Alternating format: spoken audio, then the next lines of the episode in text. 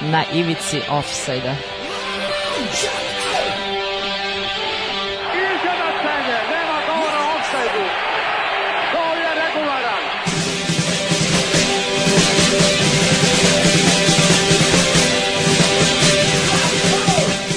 Vi ste se sad čak setili smeće da donesete i da čestitate futbalerima.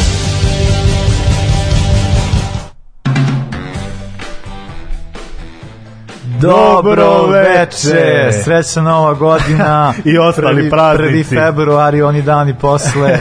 konačno smo tu, konačno Čoveče, baš je dosta prošlo. Prošlo je jako mnogo. Ovaj, da, čisto da kažem, prošlo je jako mnogo uh, imao opravdanje. Mi nismo, mi nismo planirali da to traje ovoliko dugo, mi smo nismo. otišli na godišnji, da, mi smo otišli na, na da se odmorimo nisam. i da se vi odmorite od nas, a onda smo zaređali ono bolovanja na izmenično. Godišnje je. ono kad ste plaćeni pa možete otići na odmor, da. mi nismo plaćeni toliko da bismo mogli da priuštimo sebi odmor, a ovaj, ali eto, desilo se to da Eto šta je, prvo, prvo sam ja imao, nisam imao duše koronu i covida, ja sam bio ovaj, imao, bio ali sam bio, ali da. sam bio u izolaciji, a onda nam Stefana zapratilo. Ja sam imao covida, da, zapravo.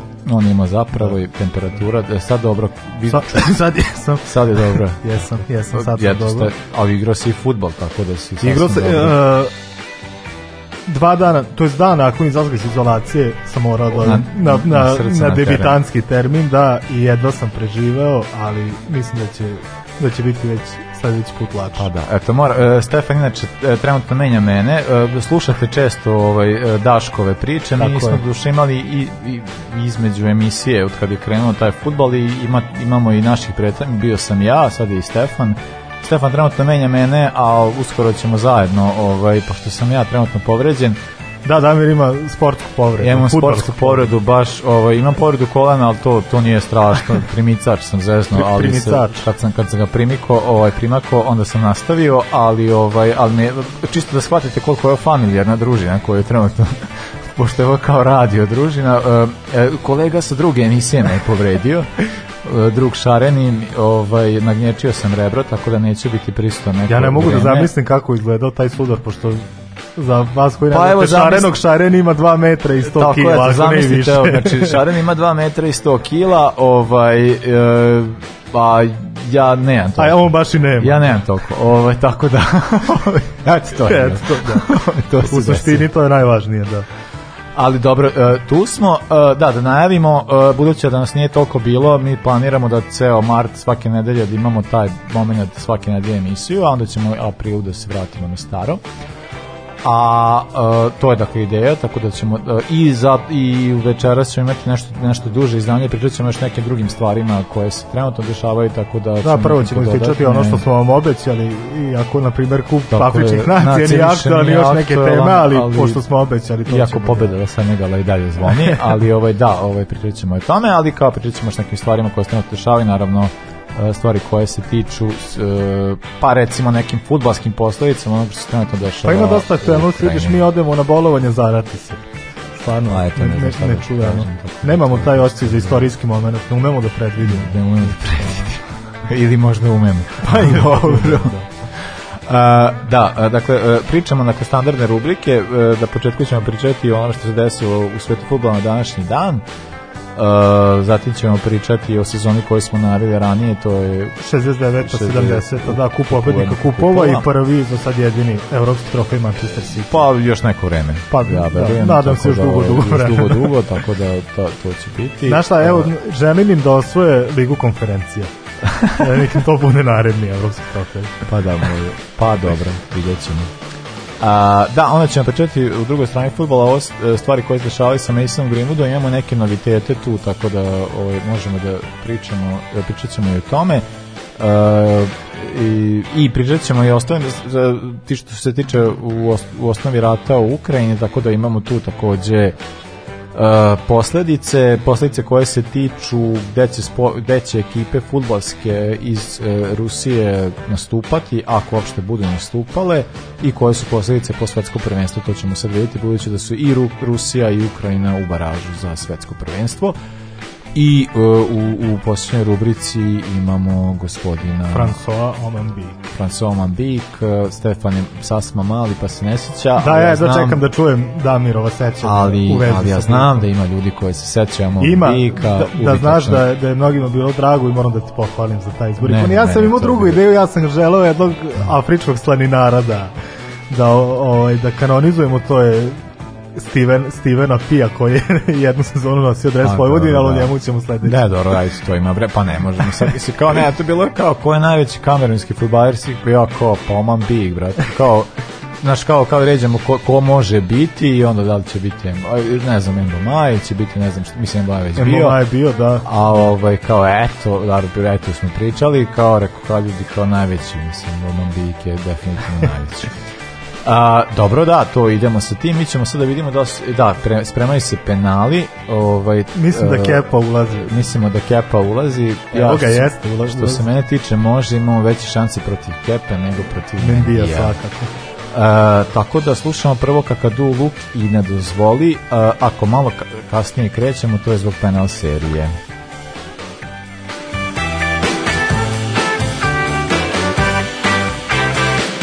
ivici offside-a.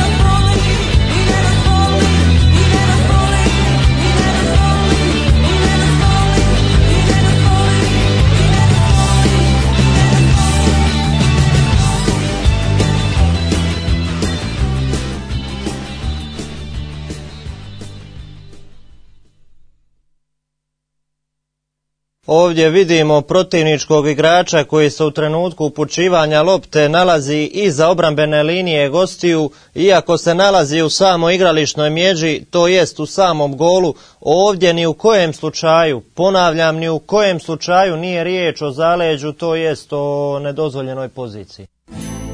Strawberries, cherries and an angel's kiss in spring. my summer wine is really made from all these things.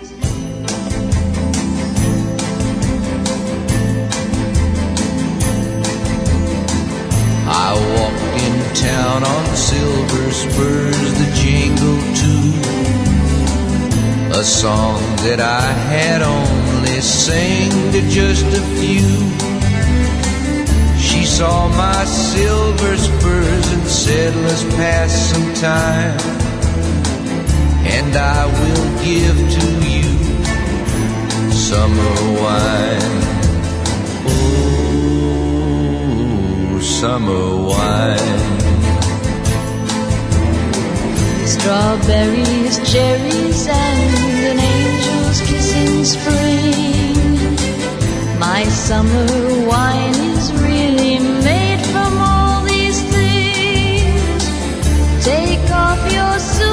whispers and help me pass the time. And I will give to you summer wine. Oh, summer wine.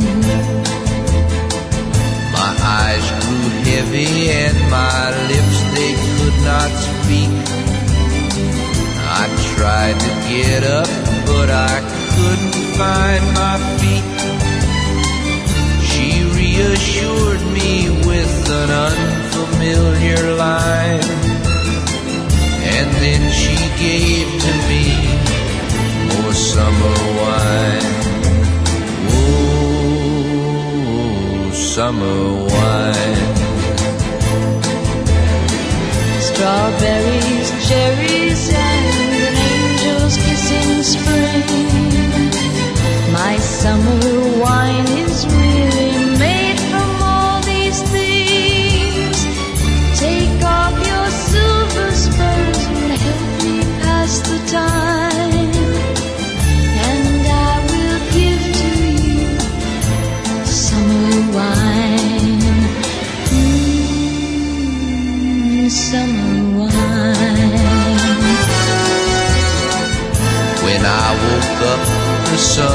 shining in my eyes. My silver spurs were gone, my head fell twice its size. She took my silver spurs, a dollar and a dime, and left me craving for more summer wine. Oh, summer wine. Strawberries, cherries, and an angel's kiss in spring. My summer wine is really.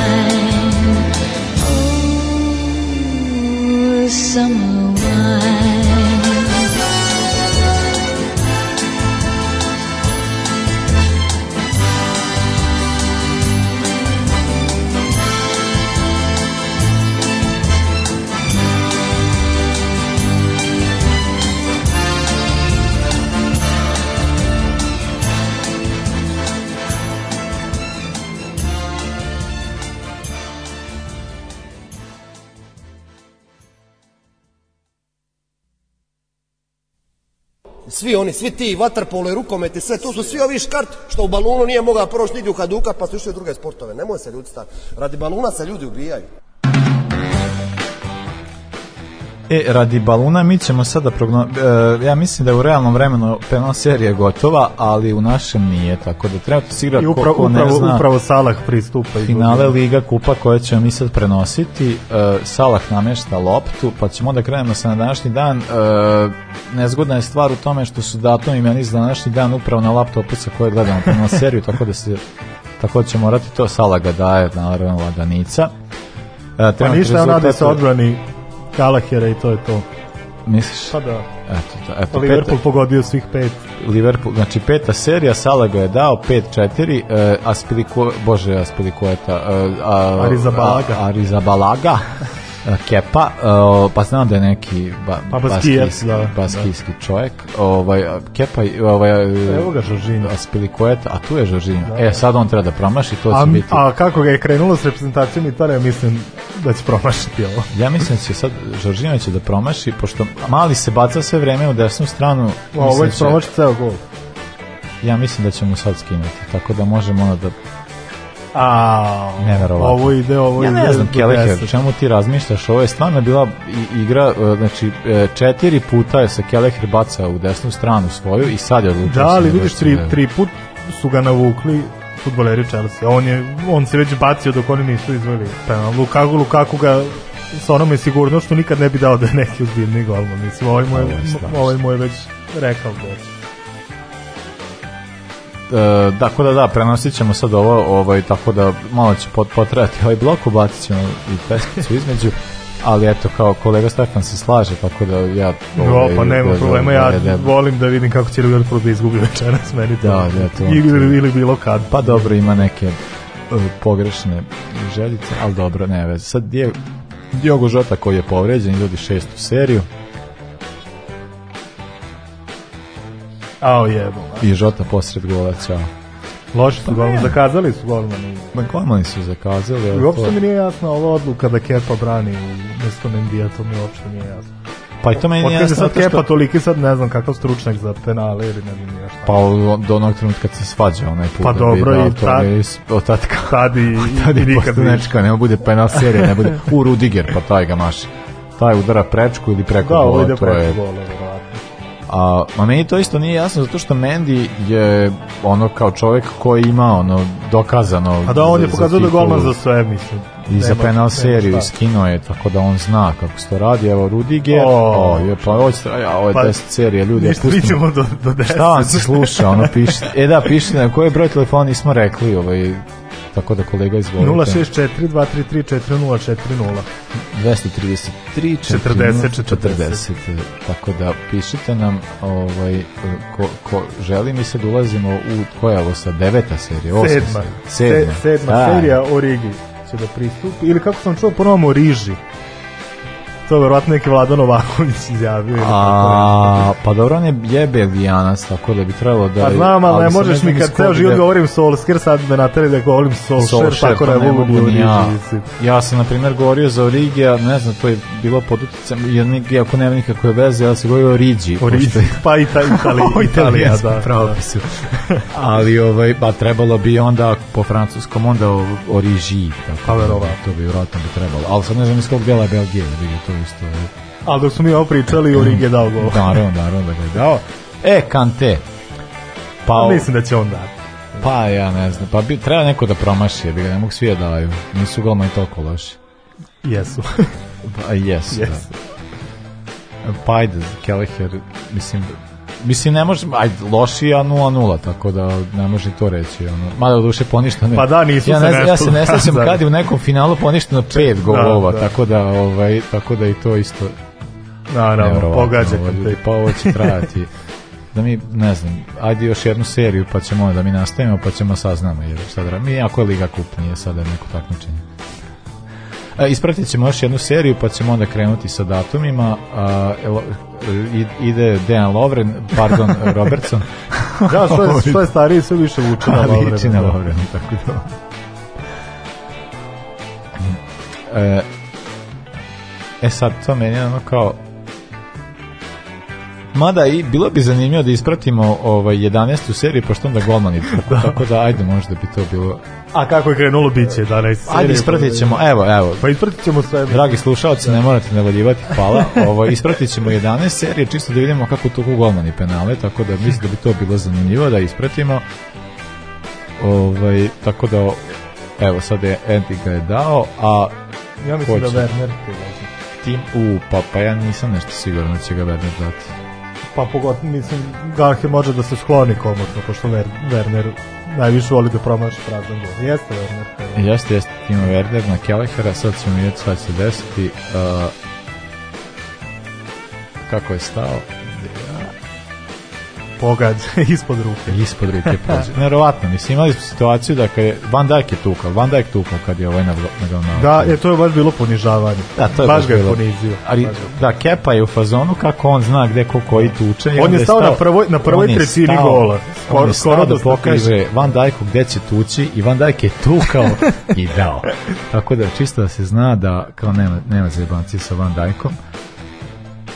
A koja je sad serija, Stefan? Ja devet, serija. devet Još malo pa golmani. Ako Harvey Elliot bude u stanju da pogodi. Da, će Harvey Elliot, on je duša Enfielda. On, on mora da da. Izvijem, Evo Kepa opet provocira. I Elliot ga daje, naravno. A to, to je najluđe, ovaj, golmani često promaše strano i kad pogode boje da su promašili stranu, tako da ovaj, Pa bilo je, evo, 4-5 golova je golman pogodio stranu, ali nije uspio dobro. Tiago, Tiago Silva, da. Mislim da je on pogodio. Znaš, da je neki drugi, da je Alisson eto na golu Liverpoola, verovatno pola od ovih golova, jel? Pola od ovih penala ne bi bilo pa ne uspešno bi realizovano, bilo, ali ne, ne bi mislim da ovaj bilo, nije u stanju. Mislim da bi Alisson bio, ali sad kao Kelleheru baš i ne ide, vidjet ćemo sad ovaj.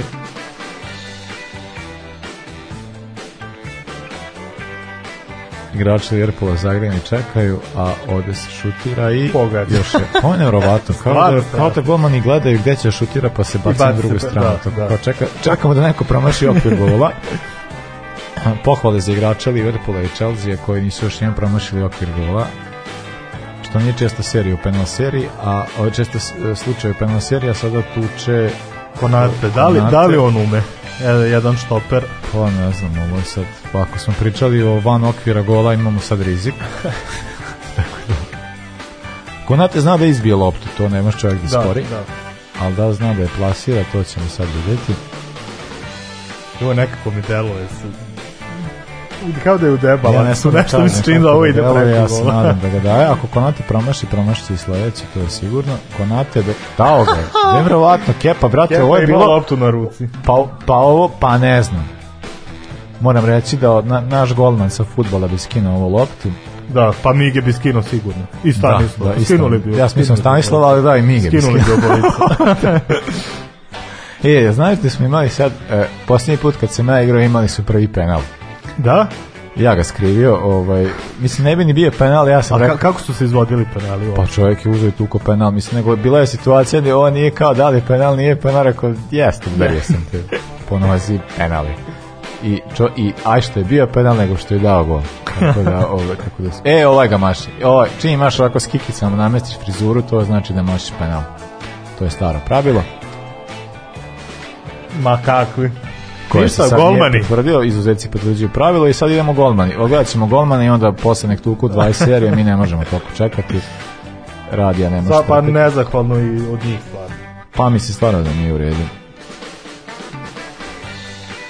A i mogli smo, ne znam, kod golmani budu tukli da odjelo ovaj, da ispušemo cigaru, pa da ćemo se pa, vratiti. Pa to je bilo idealna varijanta. Ja sam inače pesmu stavio preko da ide malo duže večeras, pošto ćemo dosta pričati, ali dobro, evo, ide prvo Keleher, to je irsko dete, irska škola u futbalu učio, futbalu krvi, on to mora znati, on zna kako se to radi. Ili Kepa, ako njemu ne odbrani penal, onda ne Mislim da ono stvarno ne, ne možem da... Opa! Ta, pa Kepa bolje, čast. pa od Konate je bolje. A, u od Konateo je bolji i sad Kepa, specijalista za penale, ima priliku da, da li može to da prekineš, samo desne strane.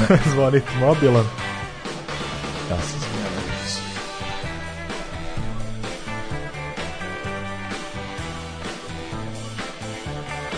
Mendi je jako ljut, opravdano. Pa Mendi je ljut zato što ili bi, ili bi odbranio ili bi ga sad dao tako. Uuuu! e. Kepa pogađa 12. red na tribinama i Liverpool je Tako osvojio e, Liverpool e, osvaja Liga Kup, a mi krećemo sa onim što se desilo danas u istoriji futbola. Na današnji dan odradit ćemo manji blok pa ćemo nastaviti u sledećem bloku. Uh, Stefane, ajde ti reci šta ti imaš, koliko imaš. E pa imam 29 ali ako, ako imaš rodnjendan jednog velikog kluba, onda ti ideš pre mene. Uh, ja idem pre tebe, ali bih krenuo, ajde krenemo s tvojim 29 dok ja namestim sebi ovde, dok uh, ugasim ovo sve i ti kreni. Možemo, možemo. 29. rođen je legendarni brazilski defanzivac Djalma Santos čovek koji je zaista imao sjajne uspehe sa reprezentacijom Brazila, pa i na klubskom nivou, ali čovek koji je nepravedno zaboravljen, a stvar sa njim, on je krenuo kao štoper, onda je na kraju zbog svojih karakteristika većim delom karijere bio desni bek, ali stvar sa bekovima danas je, kad se pojavi neki dobar desni bek, izbavila su ga poredili sa Kafu. E, kada se Kafu pojavio, njega su poređivali sa Đalom Santosom. Stvarno, Đalno je bio učestvovao na četiri svetska prvenstva sa Brazilom, na tri od ta četiri je bio u timu prvenstva, a dva je osvojio, kao što znamo, a najveći deo karijere proveo u Palmeirasu. E, e da, da se vratimo sad malo nazad u istoriju, dakle 1900. godine, e, ravno 27. februara 1900. godine, e, osnovan je futbolski klub Bayern München, E, klub je osnovan tako što je 11 e, futbalera e, želelo, koji su bili iz različitih sportskih društava u, u Minhenu koji su hteli da osnuju svoj klub tako na, da je ta, na taj način ostao osnovan Bayern Minhen Uh, oni su bili uh, članovi, većina je bila članovi Minhen, Minhener Tumverein 1879. Uh, i uh, koji su bili generalno to je bi kao jedan kao jedno atletsko društvo da to sad nazovemo na taj način dakle to je bila kao većina, većina tih igrača i tu je bilo još nekoliko različitih atletskih društava i fudbalskih klubova tako da je taj klub na taj, na taj način nastao u početku su imali samo te nekakve regionalne uspehe, ali prava istorija Bayern Mihena počinje tek pa neki 50 60 pa, pa da. sredinom 60-ih da. krenu za, za, kreću zaista zaista pravi uspesi i znamo kao dva eh, pa tri recimo, tri najznačajnije ikone Bayern Mihena, od kad Beckenbauer nije prešao iz Mihena 1860. Mislim da je to zaista bilo ključno u istoriji. Jeste, pa oni su već imali Millera i Sepa Majera i onda još kad se pojavio da, da. Beckenbauer, da, to je bilo... Tako da je Bayern Mihen je osvojio znači od 70-ih nadalje osvojili su u, u tom nekom vremenu do nekih 2000, znači od 24 titule koje su tad bili su svoji 20. Da, ne da. znam, da. svoji su i gomilu kupa evropskih šampiona i kasnije Lige šampiona je do sad tadašnje situacije koje imamo trenutno u Nemačkoj da je Bayern München jedini klub zapravo koji može da osvoji titulu uh, i da je to klub koji zapravo uh, radi ono što su uh, pa dobro da, tako kao pogledaš kao istoriju, možda to ima i smisla, ali kao Bayern München je po, trenutno poznat kao klub koji jednostavno kupio Nemačku najbolje što je drugo, treće plasirano i onda dovede kod E pa to hoću da kažem, imam jako čudan odnos prema Bayernu iz Münchena, jer on bi realno po našim nekim shvatanjima trebao da se nađe na onoj listi govnarskih klubova, jel, kakav je da, Juventus i da. PSG i Manchester City, ne znam ja šta, ali ja njih ne mogu da mrzim nikako. Meni je Bayern München i dalje od svih tih klubova, meni je nekako najdraži i na, ne znam, u Ligi šampiona kada poispadaju svi moji favoriti ili klubovi za koje bih u ne, nekim situacijama navio, meni je tu uvek Bayern Minke, ne znam, nekako imam neku vezu sa, sa njima. Pa, mislim, ja bi se za, uh, složio zato što kao meni uh, e, Bayern Minhen zapravo meni to kao to sredinu 90-ih pa krajem 90-ih kao ta ta faza Bayern Minhena mi bila prilično zanimljiva, a onda kao da meni Stefan Effenberg bio jako zanimljiv igrač. Ne znam znaš šta admišljam, u periodu u kom sam ja počeo da pratim futbol i malo više nemačku Bundesligu, nije bila situacija kao sada da Bayern veže 10 titula i ne znam ja što, nego svake sezone je bio drugi šampion, imao se tad i Bayern, ali i Werder i Hoffenheim i Wolfsburg i šta je već bilo, koje su Stuttgart, koje su osvoje bila drugačija situacija, tada sam jel gotivio Šalke i Bayern München. Sada je dosta drugačija situacija, Šalke je ispao u drugu ligu, Bayern je na, na, na, na vrhu vrhova, ali stvarno klub koji mogu da kažem da gotivi. E, šta imaš sledeće? Pa ja imam tek 92. Tek 92. Mm. Ja bi onda e, uh, 77. pa da idemo na pauzu. Uh, 77. Uh, 27. februara 77. u prijateljskoj utakmici Argentina je savladala Mađarsku 5-1. E sad, e, ova utakmica je značajna zbog izmene koja se desila da nije da u, drugo, u drugom poluvremenu. Jeste, e, na, na teren je umesto veznjaka Argentine ušao mladi Diego Armando Maradona. Tako da je to bio njegov prvi nastup za argentinsku reprezentaciju. E, mislim, ovo je bila sad kao zanimljiva utakmica, budući te da kao Mađarska, recimo, da, mislim, nije Mađarska važila za favorita, ali Mađarska je bila svakako kao reprezentacija koja je bila poprilično cenja i tih 70 stvarno imala dobre rezultate koje se tiču više evropskih rezultata evropskih takmičenja, a ovaj eh, Armand e, Armand Diego Mar, Armando Maradona je ušao u igru i to je bilo isto kao ta, to je bila eh, zapravo znam da kao sad celo priča da kao bilo da da će Maradona zapravo on ima 16 godina samo i bila je priča da, da će on biti deo ekipe koja će ići na svetsko mm -hmm. prvenstvo 78. koje je igrano u Argentini, međutim Maradona nije bio deo te ekipe da sa svojih 17 godina tadašnji selektor odlučio drugačije, onda znamo kao to su i oni legendarni snimci, mislim, koji su se kasnije pojavili kad Maradona postao popularan. Maradona ih suza što nije bio deo te, deo te ekipe ali možda opet kao je provedeno to da je 86. kada je Maradona igrao zapravo, ovaj, a i generalno kad pogledamo političku situaciju kako je Argentina 78. i došla do titule koja je da bio predsjednik, kako su stvari se tada da, dešavale da. u Argentini za ne mogu reći političko ubeđenje Diego Armando Maradona budući da je jako diskutabilno bilo kroz njegove kasnije stvari koje radi radio po završetku svoje futbolske karijere ali recimo da da je kao mnogo za futbalsku istoriju u tom nekom društveno, druš, društvenom smislu imalo mnogo više smisla da Maradona postane e, prvak 86. E, i da je i način na koji mislim to kao legendarno prvenstvo što se desilo u tom putu do te titule i što se dešavalo na drugim prvenstvima šta je on sve uradio da. tako da je ono kao na neki način jeste bilo Eh, jeste bilo jako važno, tako da, eto, da eh, u futbolskoj istoriji će ostati upamćeno da je svoju prvu utakmicu za reprezentaciju radi, eh, učinio na današnji dan 77. E, tako da, dobro, ja bih sad pustio jednu stvar, ajde, može ovo, a onda ćemo da pustit ćemo Vojka B, a onda nastavljamo dalje, e, posle 77. šta je sledeće, to Ajmo da pušimo. je Vejebah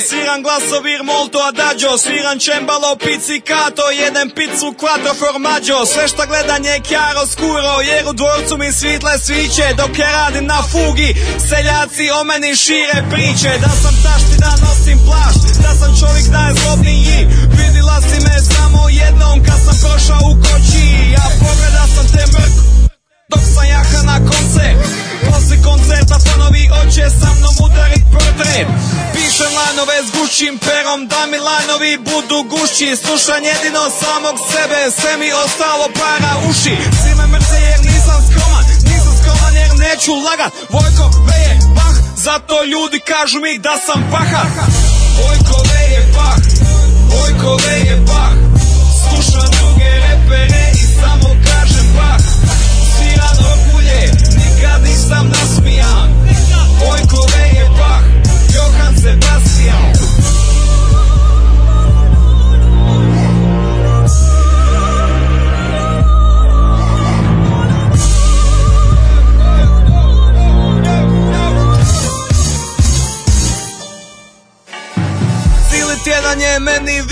svaki vikend je radni dan Cili tjedan sam stiferal na radno misu sam zavidan Čajkovski je zavidan, ljubomoran je Beethoven Kad mi listaju kajdanku i vide moje hi-hatove Dam autogram za kmetove, kada siđem iz palače Jer u me peću imam te pitove najjače Ja noću izvadim šibice, s njima uplanim šteriku Da gledam barokne sisice dok nosim baroknu periku Dva puta mi godišnje sam pošalje zlatnike Cvike šalju mi cvike, cvike ven šalje mi patike A žene izgube dah kad me slušaju na orguljama Vojkove je bah, sviran orgulje na orgijama Vojkove je bah, Vojkove je bah Slušam druge repere i samo kažem bah Sviran orgulje sam nasmijan Moj kolega je Bach Johan Sebastian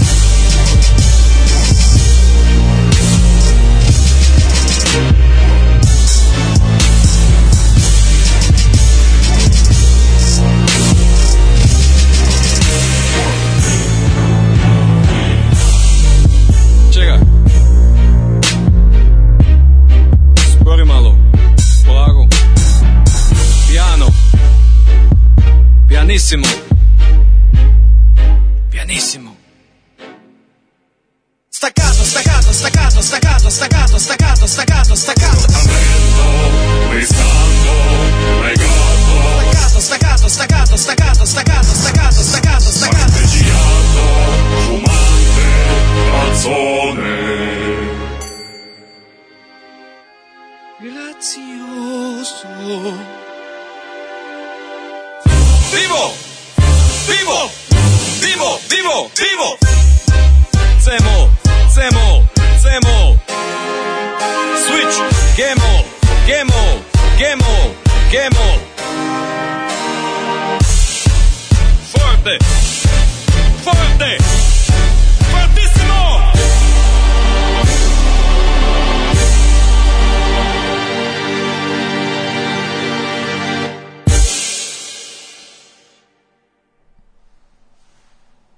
A ja? Šta sam ja? A? Brane oblak. Stojim ovde ko, u 16 tercu usamljen.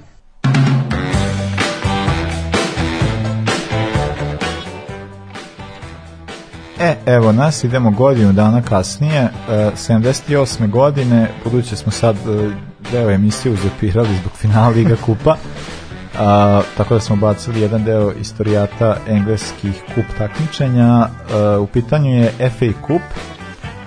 U šest rundi FA Kupa je ispala ekipa a, Blight Spartansa.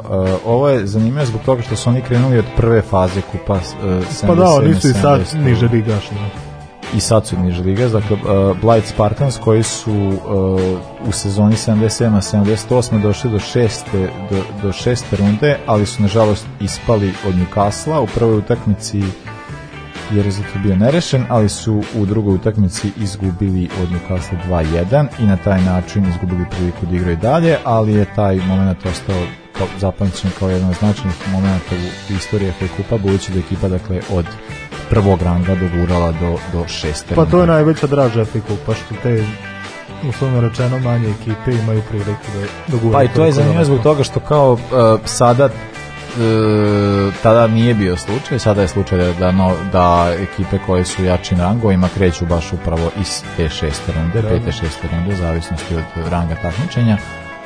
A ovaj, ranije nije bilo, bilo je kao da bi krenuli, krenuli svi od početka, pa onda dok, dok, dok, neko Ko dok da, stignemo. Da, da, da. A, koje si rekao godine? 92. 92. izvolite. A, rođen John Jošelović.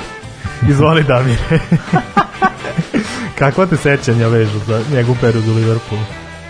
Ne, ja Shelby nisam volao zato što mi je on delova kao lik koji bi se ono pobio iste sekunde. On je da čovjek koji je spreman u trenutku da upropasti svaku koncepciju. Ja Liverpool njega pamti po crvenim kartonima i pizdarijama koje je pravio, tako da meni on kao Shelby nije baš nešto upamćen. Pone. A, mislim, to sam sad baš skoro pričao, ovaj, kako, ne znam, kako sad, da, to mi je zanimljivo. Sad kao u premijer ligi sad... Uh, Evo, da, da pričam malo i o fantaziji, o draftu, pošto je sad I da, da- čestitaš pobedu kolegi. Čestitam pobedu kolegi hvala, koji me dobio hvala. za jedan bod, pa, jer je... Pobeda je pobeda. Jimenez dobio žuti karton jer je debila, iako je sudija kriv, ne znam zašto je Jimenez dobio žuti karton, ako neko zna neka mi kaže, zašto se čovjek dobio 90 minuta žuti karton, zbog uh, toga što ga sudi, sudija mu naglašava treba da izađe sa terena jer je iz, zamenjen, a on nije bio zamenjen, ali Jimenez ne bio Jimenez kad ne bi napravio scenu pa i da. ostalo, pa sve i da je, ne znam, ni, da, se, da ništa nije uradio, sudija bi mu dao žuti karton za takve reakcije.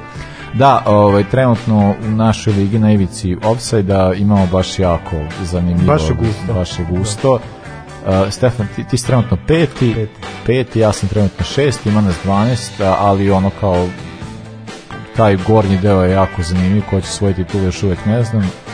I pa Stefan i ja imamo Damire, šanse. Damire šest bodova iza mene, a prvoplasirani je šest bodova ispred mene. E, znači, e, šest bodova šest, iza Stefana, ali da razumem, od, od, od, od kad, kad, je, kad igraju, ba, od, biće tri. Dobro da, da, pošto ću ja izgubiti od toga da. Ovaj, ovo kolo, ali stvar u tome znači da smo da su prvih šest u 12 tako bodova. Je, tako je, to je I, to, i čak da... mi iz prve polovine tabele većina nas gubi ovo, da, da ovo, ovo kolo, da, tako, da, da je, bić, bić jako je napeto, jako je zanimljivo. To, mislim, pričat ćemo o tome i u narednim emisijama, pošto kao planiramo da sledeće sezone napravimo i drugu sezonu, s ćemo sad imati drugu ligu koja je u prvoj ligi on ostaje, a napravit ćemo drugu ligu ko bude hteo dodatno da učestvuje, tako da, mislim, ja znam da većina ljudi kao koji igraju fantasy, šta god da su više u fantasy, fantasy mo momentu mi smo i draft ekipa kod nas lepo svakog svog igrača Tako pa je. njega biraš, nema njega navijaš. šest Salaha, imaš jednog Tako ima jednog i Salaha i čao koji nije u tvojoj ekipi nikada, zato što se budalak poput mene da. koja će u prvom piku da uzme Kejna jer je mislio da će Kane nešto da uradi. I pa, ali u pro, prošlo kolo ovo kad si ti izgubio od mene, on je nešto uradio, tako? Jeste. Da, i ja sam bio u fazonu jebote yes. cele sezone ništa i sad baš kad igram evo protiv drugog sad će nešto. Sad je uradio protiv City, ali sledeće kola nije. Ali dobro, jebi ga, to je život. A, to je Harry Kane. To je Harry Kane, tako da ova sezona je stvarno užasna. Ali dobro, mislim, ne, ovo je naj, najniži broj golova koji je dao do sada. Jeste, je, baš ne, Pa mislim da mu je dokurčilo. Pa ja ne, meni je uvek prvi pik bio užasan. Ja sam, ja sam lik koji uzmem Obameyanga kad ništa ne uradi toku sezone, uzmem Alexisa zato što kao može se sad, ne Tako da ovaj prvi pik je loš izbor. Nego, Uh, stvar koju ja imam sa ja imam 99 dakle ja da- imam 92 opet e ajde rođen Ryan Jack uh, futbaler u celu karijeru futbaler Rangersa i kod njega mi se sviđa mislim on je bio ta varijanta on je iz rečitog talenta prelazi polako u ikonu kluba što odmah sam povukao paralelu sa Edinom Egidijem koji je to mogao da bude u Celticu međutim on je vrlo, Spartak vrlo rano otišao, da, da, on je otišao Spartak, Spartak iz da. Moskve i posle gde sve nije bio i kada se vratio u Celtic više nije bio toliko dobar igrač, ali eto, Ranđek je ostao sve ovo vreme, nizao je sve one uspehe sa Gerardom, sada je tu sa Van Bronhorstom, izbacili su Borusiju u dvomeču pa iz Lige Evrope. Pa verovatno, da. Tako da jedan solidnog futbaler. Imam 93.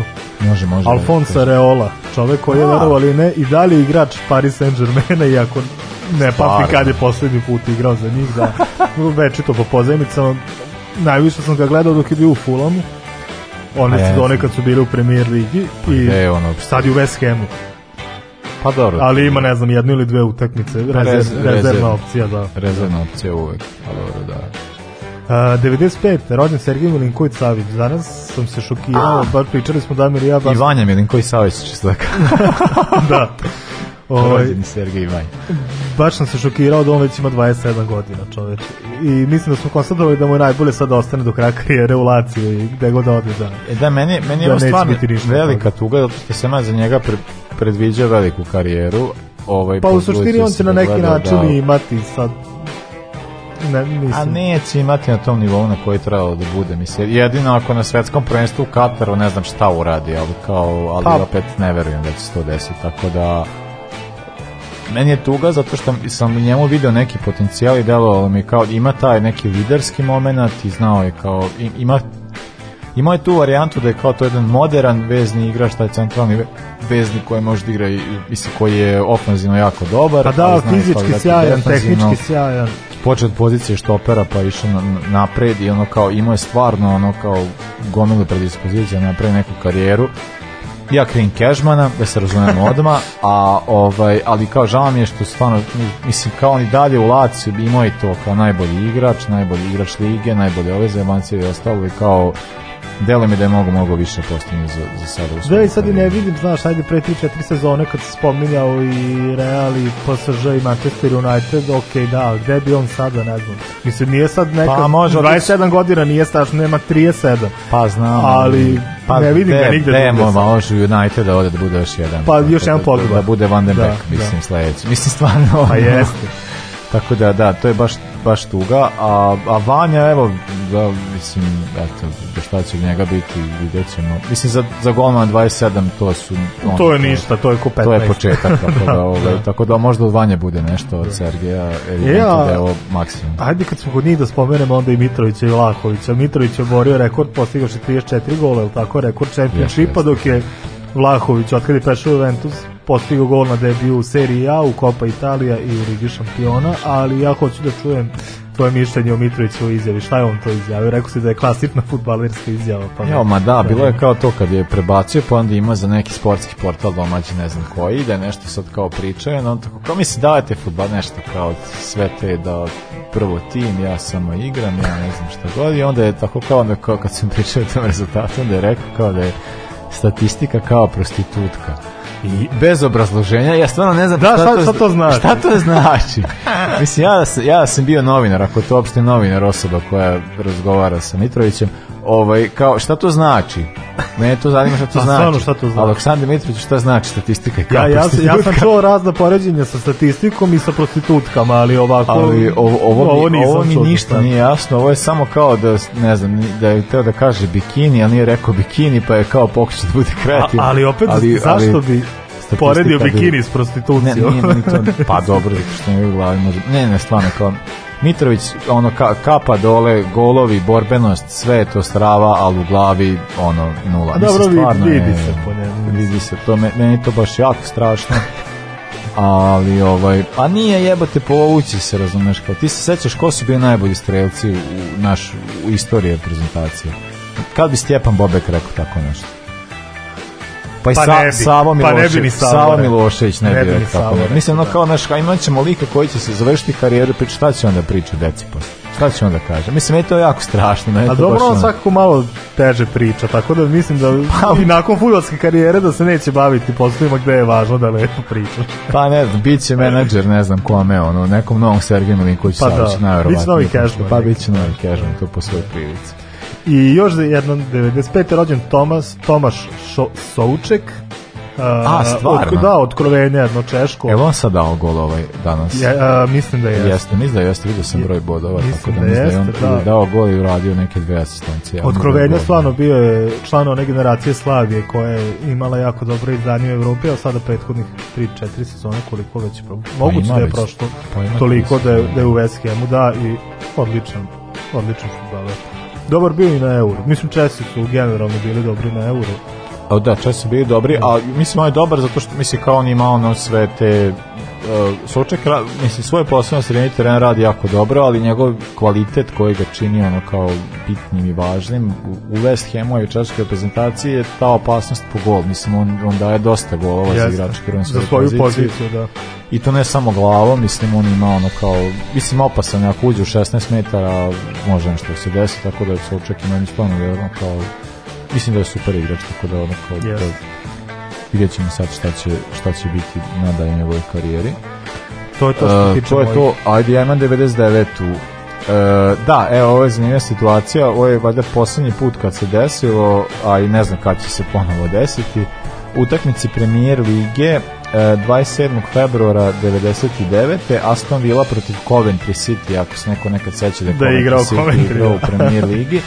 je izašla u postavi sa 11 igrača englesk, engleskog Učoveče. državljanstva, e, to jest engleskog korek budući kao da je UK državljanstvo, tako da su svi igrači koji su igrali za Aston Villa bili uh, bi, bili iz Engleske, tako da to kao uh, posljednji put da se tako nešto desilo, uh, zapravo moguće da je bilo prvi put u, pr u, u istoriji premier lige, budući kao da premier liga postoji od, od 4.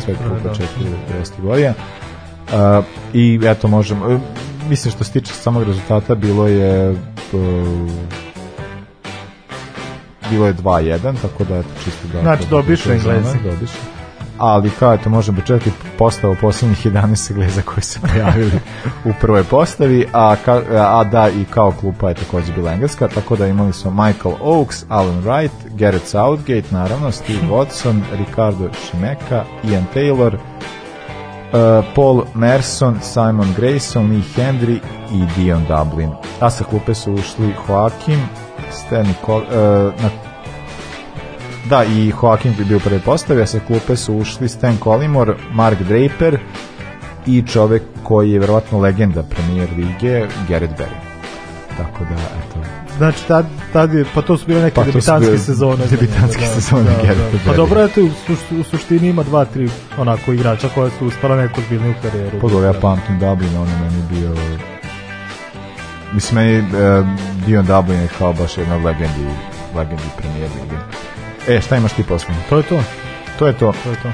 E, ja imam jednu... Uh, pa ono kao za animal rights priču, mislim, ovo je stvarno budilo. Nije Kurzuma.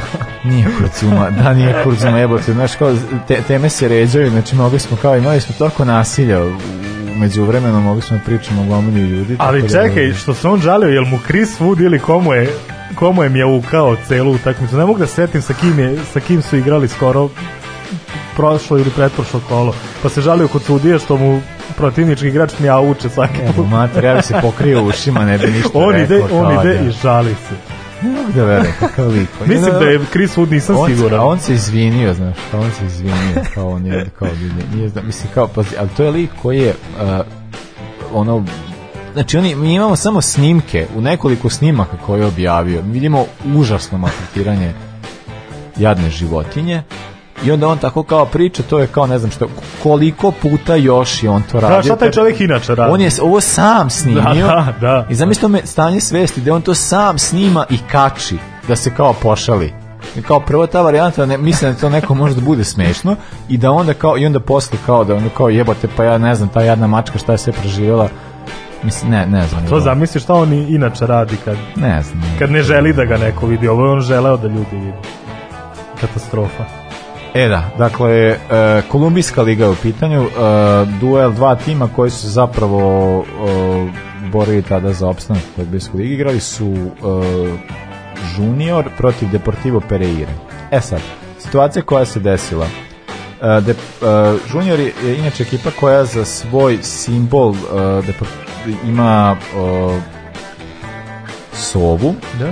i stvar koja se desila u jednom trenutku uh, utakmice Sova je, to je bilo negde, sad ne znam kao da li pri kraju utakmice, kao Sova je sletao na teren i uh, onda se desilo da je uh, igrač Deportiva uh, Luis Moreno, znači Sova je sletao na teren, delovao da je povređeno i šta god samo je pala na teren i onda je igrač uh, Deportiva, gostujuće ekipe uh, prišao i sad kao sad ima ima i snimak uh, Sova pada, to sad kao igra i sudija prekida utakmicu pošto je Sova sletela na teren verovatno i ne želeći da izazove neku vrstu mislim e, stvar koja se zapravo desila da je lopta e, da je u toku da je Sova letela, lopta je naišla i zakačila Sovu mm -hmm. i Sova je samo sletela na teren Uh, i onda je kao sudija prekinuo igru pošto kao imamo strani objekat na terenu i onda je prišao igrač gostujuće ekipe Luis Moreno je prišao Sovi, sad tu ima sad taj slik snima kamere gde sad kao svi su stali prekinuta utakmica i jedan igrač dotrčava Sovi iz nekog razloga i sad kao mislići ljudi da će da pomogne ili što god. A on skoči sa obe noge.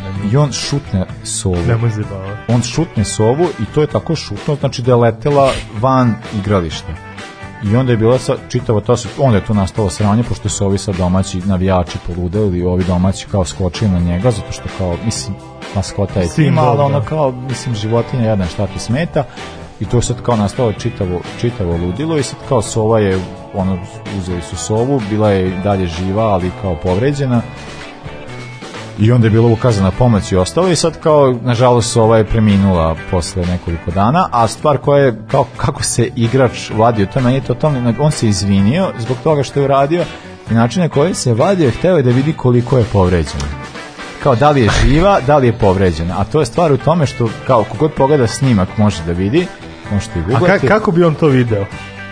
Znači ja ne znam Ako je kako... šutnem pa nastavi da pa leti, ja, znači, znači jedna dobro. stvar je da je prišao s ovaj da pipno nogom da vidi da li je živa, znači Gari je šutno van terena, znači to je nešto neverovatno i kao i onda se posle ustanovili su veterinari, mislim na kolumbijskoj televiziji ko malo znaš španski ili što god jako je čitav prilog onako kao koliko je to sfokusirano, mislim s te strane jeste zanimljivo, ali jako tužno pošto je tragičan ishod po sovu jadnu, ali kao vidimo lika koji, znači, koji je mlacnuo sovu onako kao i to, to i meni taj moment stvarno onda poče, počneš da razmišljaš ko se sve bavio ovim sportom, kakvi su to ljudi, zašto to, mislim kao to je stvarno ono, apsolutno iživljavanje, tako da ono, i ne znam, mislim da je o, ono u, Kolum, u istoriji Kolumbijske lige, a i kao što se tiče domaćih navijača, ovaj čovjek je zap, zapamćen kao neko ko, ko, je, ko je sim, koji igrač kojeg treba mrzeti, a i ko, ono kao animal rights people takođe misle isto. Nažalost, ovo je preminuo, tako da je, što tiče domaćih navijača, oni su svakako tu utakmicu izgubili svakako. U kojoj to sezoni bilo? Uh, pa to je sezona 2000 sad ja ne znam pošto je kolumbijska liga oni ako igraju aperture da, da, da, pozure, klauzura, to, je, da. to je 2011 početak znači da. e pa da. to je fora što eto Junior se tad eh, borio za opstanak a oni da. su nedavno su ne znam koliko puta osvojili kolumbijsku ligu i mislim da su stigli do završnice Copa Libertadores pa eto da su ovaj dalje simbol žunira, čisto da znamo samo neka druga, nažalost, ali dobra je to, ova je stradala. Mislim, možemo reći da je, mislim, ovo se zvuči kao najgori humor, ali opet kao crni humor, ali jeste istin postavila je srce na terenu. O, gospode, gospode. a, sad, mislim, Sada ćemo do, izaći na terasu da porazgovaramo. Da, da ćemo na terasu da porazgovaramo sa inače sta, sta, starim ptičarom Stefanom. Uh, Dorian Gray za tvoje oči, pa pričamo o kupovodnika kupova. Može.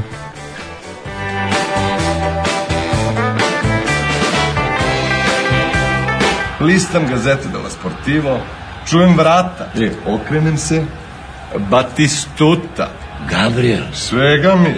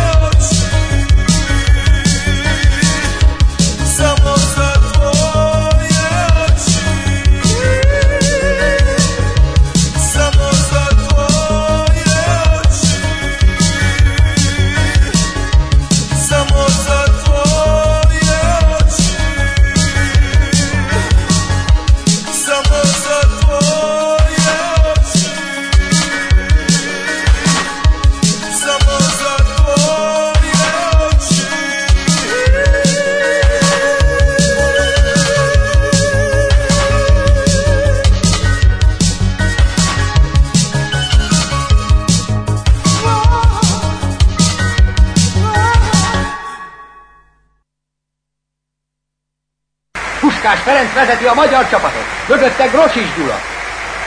Aztán Lórán Gyula, Hidegkúti Rándor, Buzánszki Jenő, Zakariás József, Lampos Mihály, Tóth Kettő József, Bozsik József, Tibor Zoltán és végül Kocsis Sándor mosolygós arca.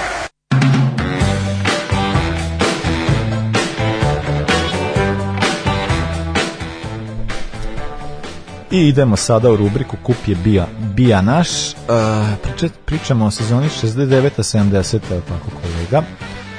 Uh, i o tituli, jedinoj tituli uh, evropskoj Manchester City. Manchester City, da, pitanje je ovaj, koliko koliko su uopšte navijači, pa i stari navijači City, sećaju toga koliko se sećaju tih igrača, pošto tu zaista ni nema nekih sad nama poznatih igrača. Ono što me onako iznenadilo je da niko od tih igrača koji su sad osvojili kupoveni kupova nije čak ni u kući slavnih o Manchester City, a gde, gde se nalaze neki igrače malo, malo novijeg datuma, ali Pa da, to jeste. Dobro. Pa da, zato što meni kao Manchester City, ja stvarno kažem, meni je 90-ih Manchester City bio zanimljiva ekipa, bilo mi, mislim kao što mi je Chelsea bio zanimljiva ekipa. Mislim, možda i postane i sad ako se desi ove stvari sa malo Ličima ostala. Pa zavisi šta je sad veći korak u istoriji Chelsea, a to je pitanje. Neće se desiti, verovatno, neko, doći su neki novi, ovaj, ono, neki novi tip sa parama pa da kupi. Verovatno. Ali da, Manchester City jeste ovaj pa mislim bio je ekipa koja zato što kao Manchester City uvek važe za ekipu koju veliki broj grada navija i kao to je kao popularnija ekipa i ostalo kao standardna priča da u tim nekim gradovima koji imaju dva kluba da većina i ono kao ne znam za Torino da većina ono u Torinu niko ne navija za Juve, Juve da, da, za Torino ili kao ili kao što u Romi svi navijaju, i u Rimu svi navijaju za Romu, naravno, tako kao, mislim, te... Ili u Milanu što svi navijaju za da, Milanu. Da, ta baš nije tako. ali, pa da, uglavnom se navija za lošu iku. Pare, misliš. pa da, da pa da.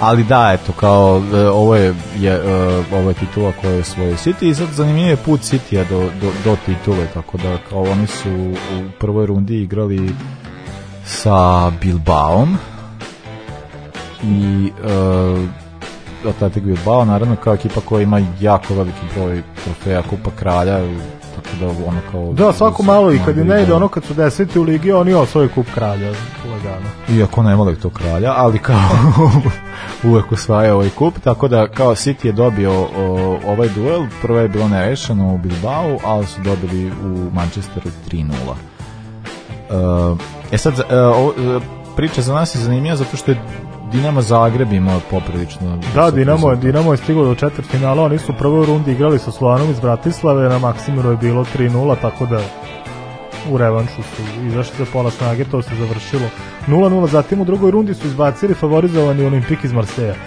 I to je bio zanimljiv domeč, u Francuskoj je bilo 1-1, uh, ali u Zagrebu je Dinamo slavio 2-0 i onda u četvrtfinalu su naleteli na Šalke koji je baš tad bio u nekom, u nekom uzmahu, tako da Šalke je u tom dvomeču uspeo da, da slavi ukupnim rezultatom 4-1, ali je Šalke dogurao daleko u ovom takmičenju s obzirom da su oni stigli do polufinala gde ih ispacio upravo Manchester City.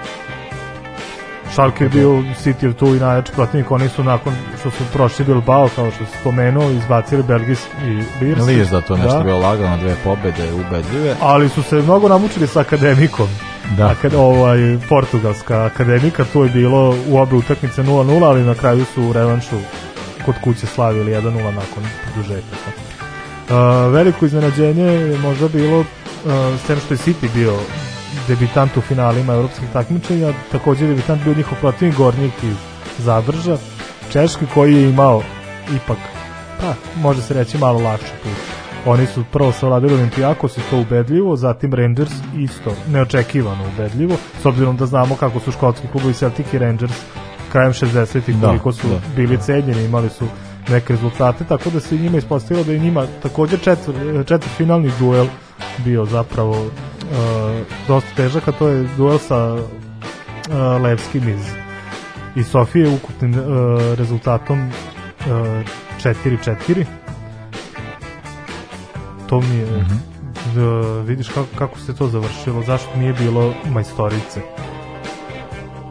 a, pa gol vlastno da vidiš da Ali... da ovo, u gostima su dali tri gola da da i onda polufinale sa Rovom i to je bilo takođe e, dosta zanimljivo. 1-1 je bilo u gostima, 2-2 su igrali e, kod kuće i nakon produžetaka.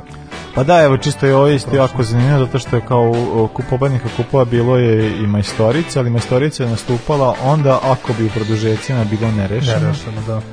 Uh, pa evo imamo duel uh, između uh, Gornjika iz Zabrže i Rome recimo u polufinalu gde je dakle u prvom duelu bilo u Rimu 1-1 Pa je onda u Poljskoj bilo 1-1, ali, se, ali su se igrali produžeci gdje takođe bilo 1-1 u produžecima. Sada po pravilima gola u gostima koji sada više ne postoje, 1-1 u tim produžecima, dakle 2-2 ukupno rezultatu te utakmice, Roma bi prošla dalje ili bi ono kao ili ako već nisu hteli mogu stući penale, to se nije desilo, pa si igrao još jedan meč isto u, u, u Poljskoj koji eto na kraju o, je bilo nerešeno pa se onda pa se tek onda ne, pa se ne, tek onda neverovatna situacija al znaš šta me šta me zanima kad su penali postali zastupljeni oni su se prvi put pojavili u kupu Jugoslavije al tako da, ali penali kao ovim takvim na primer eto da čisto da kažem samo za za ovaj duel dakle uh, oni su igrali prvo dakle u Poljs u, u Rimu 1:1 u Poljskoj 1:1 pa je bilo sledeći duel je bio takođe u Poljskoj takođe 1:1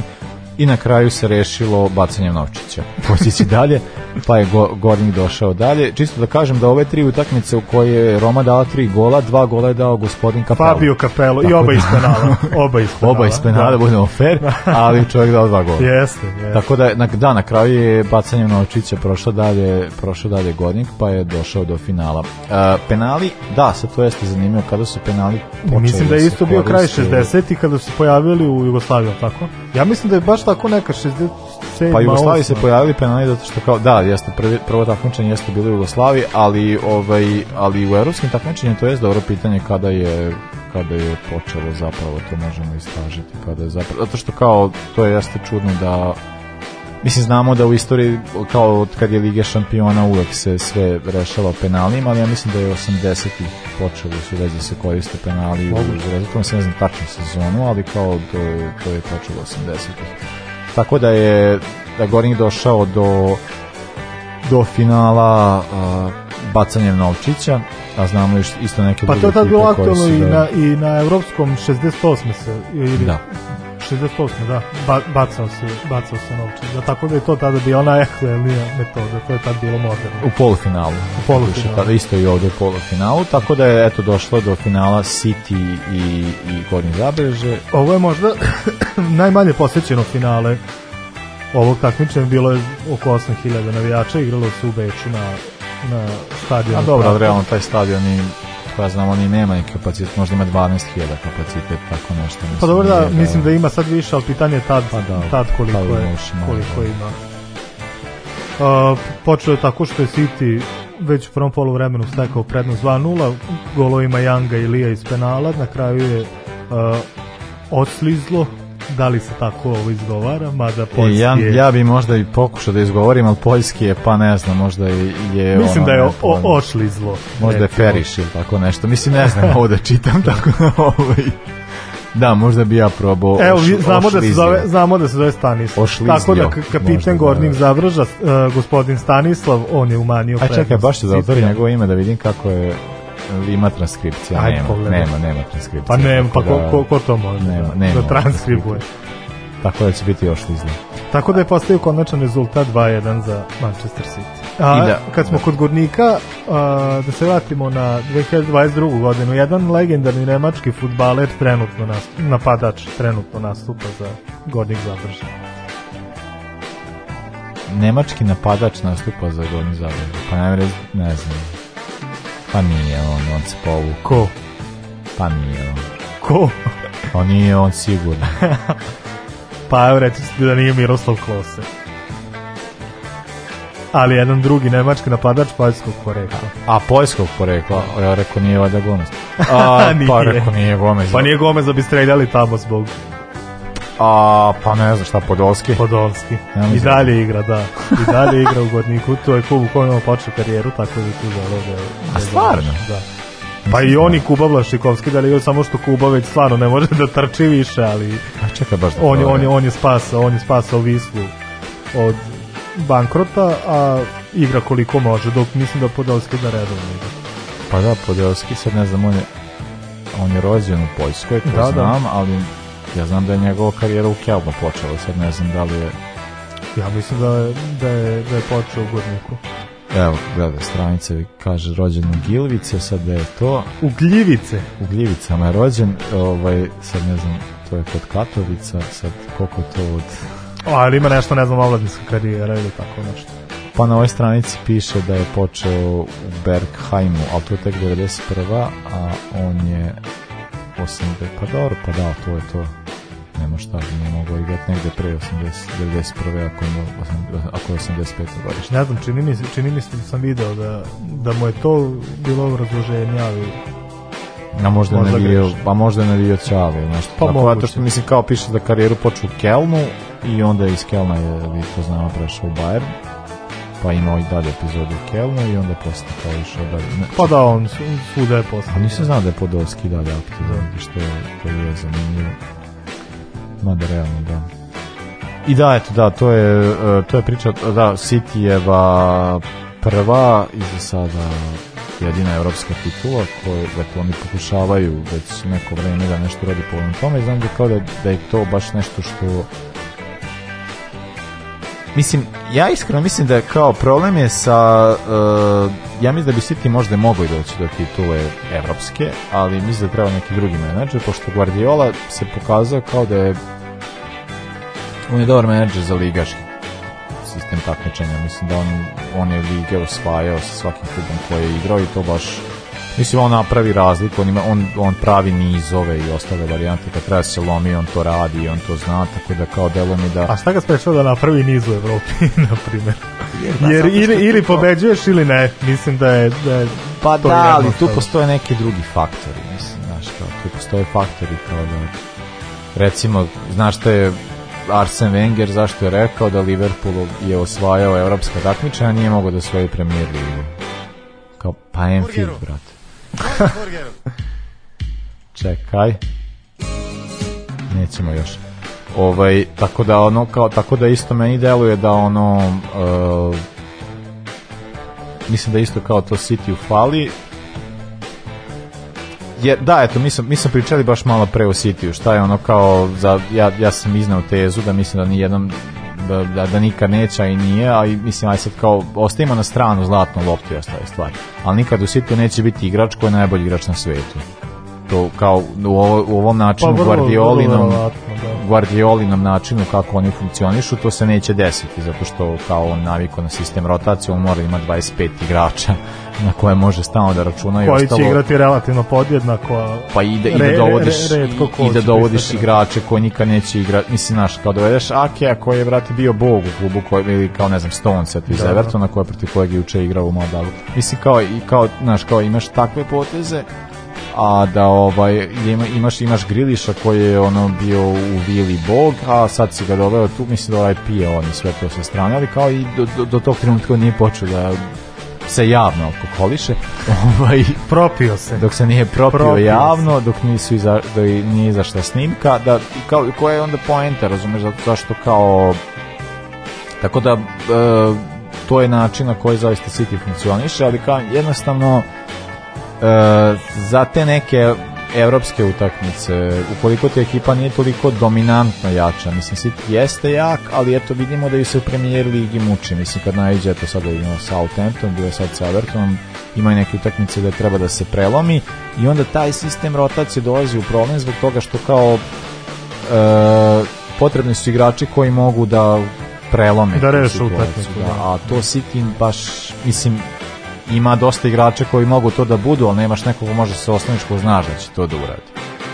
I onda kao tako me i deluje da je to i razlog u, u, u evropskim takmičenjima zato što mislim kao da često imaju baš taj problem da, da ne, nemaju, ne, nemaju takvu osobu, nemaju takve igrače, nemaju nekog ko to može da izvede i onda mi tako kao deluje i zbog toga mi iskreno i drago zato što je kao što svi znamo ja i ne volim City tako da ovaj tako da mi je drago da, da se to ne dešava i da onda kao da eto kao da onda možda mogu da mislim ne znam ne znam da li želim da to reši taj problem ali ne znam meni je već City sva, sva ta situacija oko njih i u vezi s Guardiolom i to meni je sve to postalo jako dosadno i mislim da i svi ima već u futbolskom svetu postalo dosadno tako da nešto mora da se dogodi dakle mislim, premier ligu su već osvajali, već su nije to ništa ni spektakularno, ovo ono, ili da osvoji ligu šampiona, ili da Guardiola ode, jer, mislim, ja, ja ne vidim nekog tu već smisla. Pa ja mislim da je kao poen, mislim da Guardiola iz Sikija ne ide, mislim da je ideja da se osvoji Liga šampiona. A pa ideja je to, to da, verovatno od kada je došao Guardiola, ali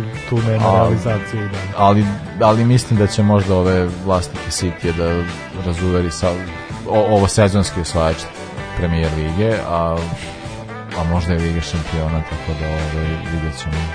Ko? Pa nije City. ja ću to reći, a vi pogađajte. A nadam se da nije. Ja bih samo za kraj ovog bloka ovaj, da citiram jednu tipičnu izavu sportskog radnika, a to je a, Mihal Matijaš, a, menadžer Gornika, koji da su ga pitali kao da prokomentariš finale, rekao je, a rano smo primili prvi gol. šta, šta, drugo da ti kažem? A, slušamo Lastradu i Okean. Čuli ste prve taktove, da čućete ostatak.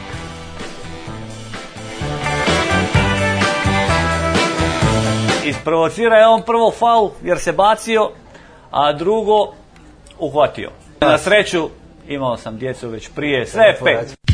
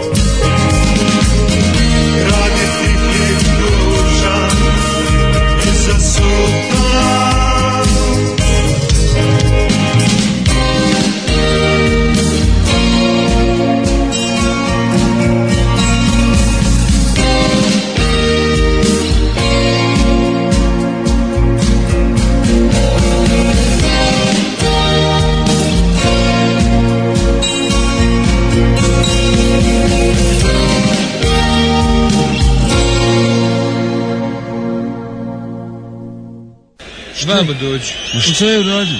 Vamo dođi, šta je uradio? Radi, crveni, pa ti drugom tu priču prospaj. Ma ne mogu da vjerujem. Šta je ba? Pa šta je uradio? Šta je ba? Pa, pa zašto? Eto zašto, pljuvo me, pljuvo me, pa pljuvo me, je pa pljuvo? Papak, bolam, zdravo, ajde. Zdravo.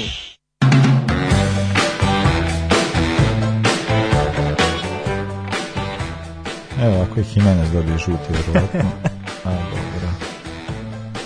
Meni je drago što je od ovog incidenta, pričat ćemo sada o Masonu Greenwoodu i njegove manijakalnosti, drago mi je što od ovog incidenta prošlo, eto, mislim da je već mesec dana prošlo, ta vremenska distanca me sprečava da kažem neke mnogo gore stvari koje sam bio tada spreman da izjavim, a moram da kažem da me na, više iznervirao ovaj, eh, audio snimak nego fotografija nisam mogu da verujem da će to da, da se dogodi. Prvo sam video fotografije i tu sam već bio baš, ne znam, ljut, razočaran, pesan, šta sve može da se kaže u vezi sa tim. I onda kada sam na kraju poslušao snimak, pošto ta devojka je snimala, jel, šta se sve događalo, mm -hmm. onda je, mislim, baš, baš mi je pukutio. Nisam, nisam mogao da verujem da je to moguće. E, pa, da. A, pa, dakle, mi smo ovu temu uzeli zato što kao mislim, pričali smo o ovoj temi već dosta puta u, toku naš, u okviru naše emisije i, i često u okviru rubike druga strana. Uh, upravo zato što kao, jer mislimo da je ova tema jeste jako bitna zato što se ovo je ono što se često događa, a verovatno dobra strana ovog vremena istorije što neke stvari koje se dešavaju ovog tipa ne ostaju da, ne ostaju nekažnjene, neupamćene, nedokumentovane i ne, mislim kao ne, ne, dođu do javnosti, što se ranije takve stvari nisu dešavale. I sad je meni bilo ja, e, meni je bila jako bitno da pričam o tome zbog toga što je zbog načina koji se sve ovo sad desilo i sad mene stvar koja je najviše me ponukala na tome da pričam jeste, jesu reakcije ljudi na celu stvar. Uh, Eh, ono što se naravno kasnije desilo kako su prvo prvo su izašli ti prvo su izašle slike i ostalo i onda kasnije izašao audio, audio da. snimak a ovaj i onda i, i sad je to bila ta stvar ja sam gledam ti nekim sportskim stranicama i to što kad su odaljivali onda ima ta sta, standardna varijanta gde kao gomila tako kao likova kao a to je ona varijanta, šta je očekivalo, bilo je svuda. Kako je stalno žrtva kriva, ja pa, vi, e. više ne mogu to da shvatim, pogotovo sad što kažeš zbog tehnologije i zbog stvari koje smo u prethodnih deseta godina uspeli da vidimo. Uh, od dokaze i sve u, u, u, vezi, u vezi sa tim uh, što bi trebalo da doprinese da staneš na stranu žrtve i da vidiš sa kakvim nasilnicima su one imale pa, problema. Pa, da, I, pa I opet, pored svega toga, konstantno, mislim da ne prođe ni jedan dan da ti ne vidiš nešto tako da ne ispliva uh, ne, nešto u vezi sa, sa nasiljem nad ženama i ti i dalje kriviš žrtvu. Pa koliko vremena je potrebno da, da, da prođe da bismo postali normalni, ja ne mogu da stavim to. Pa Stefane, druže moj socijalni radniče, ja stvarno ne znam šta, šta bi pa naš, zato što pogotovo s tog pa da. aspekta da. koliko me koliko me te stvari pa pogađaju. Pa to ti ka, pa to je meni baš to je taj meni je momenat jako strašan zato što kao i onda ispadne razume i onda ispadne to kao znači oni ne mogu njoj da kažu šta je čekala ona je posle poslednjeg napada i to sad kao lepo se snimila i prijavila znači nije šta je čekala onda šta je kao a snimala imala vremena da se snimi ili šta god Paš kako ja, ja ne znam kako drugačije bi do, mogo doći do ovakve posledice, da se ovako nešto desi, da se to nije desilo. Tako je. I onda kao sa ovim tonskim snimkom, kao pa pa kako biste drugačije jebeno poverovali? Ja stvarno, znači, ja sad ne razumem, znači, dečko uvati nu, znači, premlati je i ostalo i ono kao i, i, i primorava je na seks, a to je kao, ja ne znam, mislim kao ne znam ko je gde rastao i na koji način razmišlja ili šta god, može ti biti u vezi u braku ili šta god, ali kad gde, god ti bi morala to je silovanje. Da. Mislim, to, meni te, te, te stvari mi nisu jasne i onda kao, ljudi imamo apsolutnu situaciju da kao to se, i sad, sad ja ne znam, ja sam pričao sa s dosta ljudi sam pričao o ovom slučaju, onda kao ima sad kao i sad ima šta nakon tumačenje to kao vidjeli smo mi kad gledaš njega kad on daje gol, kad on ne znam, on ima tu neku nasilnu prirodu ili šta god, kao to sad kao to nema nikako, ali kao imamo ovde sad situaciju da, da imaš apsolutno sve dokaze za tako nešto i meni se svi sviđa, mislim ako možeš u ovoj situaciji nešto da sviđa, što je reakcija bila takva, razumeš, on je totalno izbačan iz društva i njegova karijera je gotova. Da, izopšten je totalno. On je izopšten u potpunosti, no kao i mislim da je to je recept kojim bi trebalo sve stvari da se dešavaju kad se tiče kao futbolera koji su, mislim sad kao i onda, i onda pogotovo mislim premijer liga imala svoj slučaj imala je medija, imamo još nekoliko igrača za imali koji, smo Sigurcona i imali smo Sigurcona imali smo, e, eto sad na primjer to je isto zanimljiva stvar sa, za Bisumu Bisuma i dalje, evo čovek igra u Brightonu, sve je kao ok, sve je cool i šta god, a mi smo pričali o tome šta se desilo onaj večer gde on tako kao otišao sa svojim nekim prijateljem ili šta god u neko selo ili neko kao mesto blizu Brighton gde su oni tamo otišli na neku žurku i tamo su nešto izdivljali i onda kao sve je bilo kao puj pike nevažno ništa pa to je klasično izdrkavanje, ja sam došao da pokažem koliko sam moćan Da I da onda to, ograničiti. Potpuno ograničiti. Mislim da kao i onda i onda i onda sad stvar koje isto znači kao što se tiče Greenwooda ta karijera je evidentno gotova. Tako da ova kao lik je da. lik je izvačen kao i sponzori otišli kao sve je otišlo i Parićanu sve otići ono kao mislim A kakav je sad tu da kažem pravni status? Šta se tu sad desilo? Znam da je bio dva puta u pritvoru. Šta se tu sad desilo? Pa ništa, ima zakazano suđenje, pa će se to posle mislim na suđenju će izgubiti to je definitivno tako da kao mislim da a,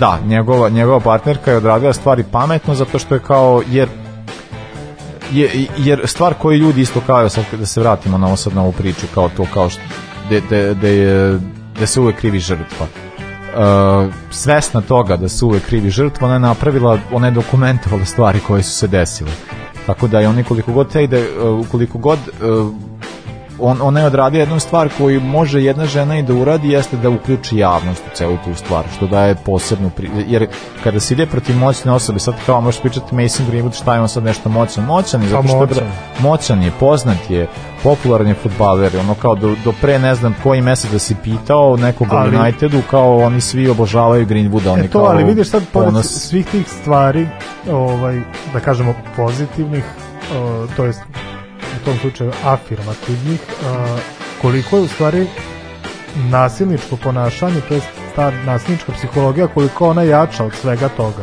od svih tih uslovno čeno, mislim, a, ajde moć, može ili ne mora da bude pozitivna, nažalost često je negativna, ali moć, slava, pare, lagodan život, a, futbal, to je stvar koju voliš i talenat koji ti je sve to omogućio. Pritom on je mlađi od mene, znači ima 20, 21, dve dakle, godine, da. koliko god. Sve to tako rano u, u tom periodu e. života i koliko je, pored svih tih lepih stvari koje su mu se dešavale u životu, koliko je u stvari uh, ta njegova nasilnička crta koliko je jača od toga. Koliko je to u stvari jezivo. Pa to e, jeste to to a, Znaš, taj čovek on ne može da kaže da mu nešto nedostaje od, od stvari koje, ako, ako, znaš, kad priča sa nekim kome nešto nedostaje, uglavnom mu nedostaje nešto materijalno ili nešto što može da se poveže sa tim, njemu to ne nedostaje. Njemu pa ne nedostaje onda čak i od nematerijalnih stvari, znači ne nedostaje mu ni slava, videli smo ni moć, njemu nedostaju ipak neke druge stvari. Pa u tome, da, to, tome je stvar, zato što kao uh, Mason Greenwood ima neke druge probleme koje su se samo izopštili time zato što je došao u poziciju koju je došao. Znači, taj dečko ima ozbiljne probleme sa nasiljem da li je to stvar odgoja, vaspitanja, šta se tu sad sve dešavalo i šta god, kao možda neko mogu da nastavi na terenu, mislim ja stvarno ne znam, ono kad se, mislim ja znam kako ja igram futbal, igram prepaljeno i ono kao ili šta god, mislim kao ne mogu da sudim po tome kad on daje gol koliko se raduje ili koliko ne znam šta god ili znaš kao ne, ne mogu uopšte i ne želim uopšte zalazim do to, to što kad bi sad tako kao počeo tumačim ponašanje svih futbolera mislim da bi se samo mnogo više još više razočarao nego što ali kao da tu i postoje određeni problemi koji dosežu do toga, ali kao koji zapravo dolaziš do toga, da neko ko je mlad e, dolazi do određene, do određene vrste, mislim, ajde pustimo sad novac i ostale stvari, mislim, to jeste bitno kao da on sad dolazi do toga, sad kao pare imaš sve, sve ti je dato, sve imaš, sve je ono kao rešen si i što god, ali imaš, dolaziš do moći, dolaziš do utica, dolaziš do drugih stvari, da ti sad kao neka figura, ti si sad nešto, sad ti kao novinar i potapšu, ti si kao budućnost engleske ili šta god sad ti sad napreš u karijeri i sve ostalo, a ti si u glavi dalje nezreo. Nisi razrešio stvari koje si mogao razrešiti ranije u svojoj glavi, to nećeš razrešiti ako ih ne budeš teo razrešiti i onda dolazimo do toga da sa devojkom, sa svojom devojkom si u, u krevetu i kao ti i kao kako ona može meni da kaže ne. ne pa to je. I kako ona može meni ko što smo mogli da vidimo uporno da govori ne. Mislim to je mislim to je to je ono kao to, to, to je jedna suda situacija da da, da mi stvaramo od nekih kao nedovršenih ličnosti nekakve uticane ličnosti i onda oni kao dolaze, do su kao, znaš ti ko sam ja ljudi i onda, ono kao, i onda kao njemu ne može ništa biti uskraćeno. Meni je drago, mislim ja znam da u prošlosti su isto tako stvari za mnogo manje pare, ali isto je kao to kao neki ljudi su mislili da mogu sve i svašta, pa su ono kao mi ne znamo gomilu priča iz 90-ih, 80-ih. Naravno. Da smo imali kao da su kad su počeli ozbiljniji ugovori u futbalu, kao ko zna šta se tad sve dešavalo, ali sada živimo u vremenu gde kao može da se dešava, mislim to se dešava naravno, ali te stvari nekako dođu do javnosti i onda te stvari mogu da se izgube. I onda kao meni je značajno i bitno to, zato što kao kada se tako nešto desi, javnost će reagovati i ono kao i sudski sistem će reagovati i te stvari će se rešiti. Meni je i, on, i onda, i onda ja, ja mislim da je upravo i u tome stvar, zato što kao nije ni novac, ni ostalo sve stvari bitno, bitno je da si ti sa sobom čist u glavi. Tako je. Pa ovo je a, a, a oni moraju da shvate da ta rana profesionalizacija i sve ostalo kao to kad te rano pretvore od ne znam mislim i čoveka kad pretvoriš u mašinu on postaje dalje, on kao u futbalu kao jeli, ali ti si dalje čovek a pogotovo ako si nedorastao nedovršen čovek, ti si dalje nedovršen nedorastao čovek, čovek. i ti ćeš raditi stvari koje takav čovek ne radi samo što ćeš imati više para i moći i uticaja da ćeš moći pa da radiš još više ta, zla ta, ta moć i taj uticaj samo sve te negativne osobine dovede u pojačalo znaš ovo e, ako je takav, a dobro sad vidimo da verovatno da je bio takav, ne znam, i u srednjoj školi, pa, nasilnik, znaš, e, sad više ne mrcvari devojke po školskom dvorištu, razumeš, nego, nego radi mnogo gore stvari. To je slučaj i sa njim, i sa Mendijem, i sa mnogima kojima je dokazano ili koji su optuženi pa im još nije dokazano. Pa evo, da, eto sad to je isto bila kao Koliko je puta, u, u naš bio je i Robinho optuženi, Cristiano Ronaldo i da, da, ne znam Robinho ja ko. Je, Robinho je imao i osudu. Ali, ali jeste stvari isto tome sad kao recimo isto u tom Unitedu su imali isto jednu situaciju koja je takođe sad isplivala poslednjih mesec dana da je zapravo rezervni golman Uniteda Dean Henderson imao sličnu situaciju isto sa svojom partnerkom da se ispostavilo da bivšom je li da je ovaj da je ona njega tužila za slične stvari ali oni su imali neko sudijsko poravnanje ili šta god dogovori kao to je sve zataškano i što god mislim mi Hendersona i ne viđamo ovaj tako da je kao to je sve kao nešto regulisano i što god ali kao eto da imamo kao da mislim to je ono što se desilo zato što Tako da ako ćemo nekome da zahvalimo zašto do ove situacije i došlo, zašto bi, mi možemo da zahvalimo onoj koja je pretvorena u ne znam, ono kao koje, koja je zapravo više propatila kroz medija, to je partnerka Masona Greenwooda, Greenwooda, da ona nije uradila stvari koje jeste uradila, mi ne bismo sada pričali, mi, mislim pričali bismo mi sigurno, nas dvojica bismo, ali kao svet ne bi. Da. Tako da ono kao da, da se te stvari nisu desile, ovaj lik ne bi ispaštao.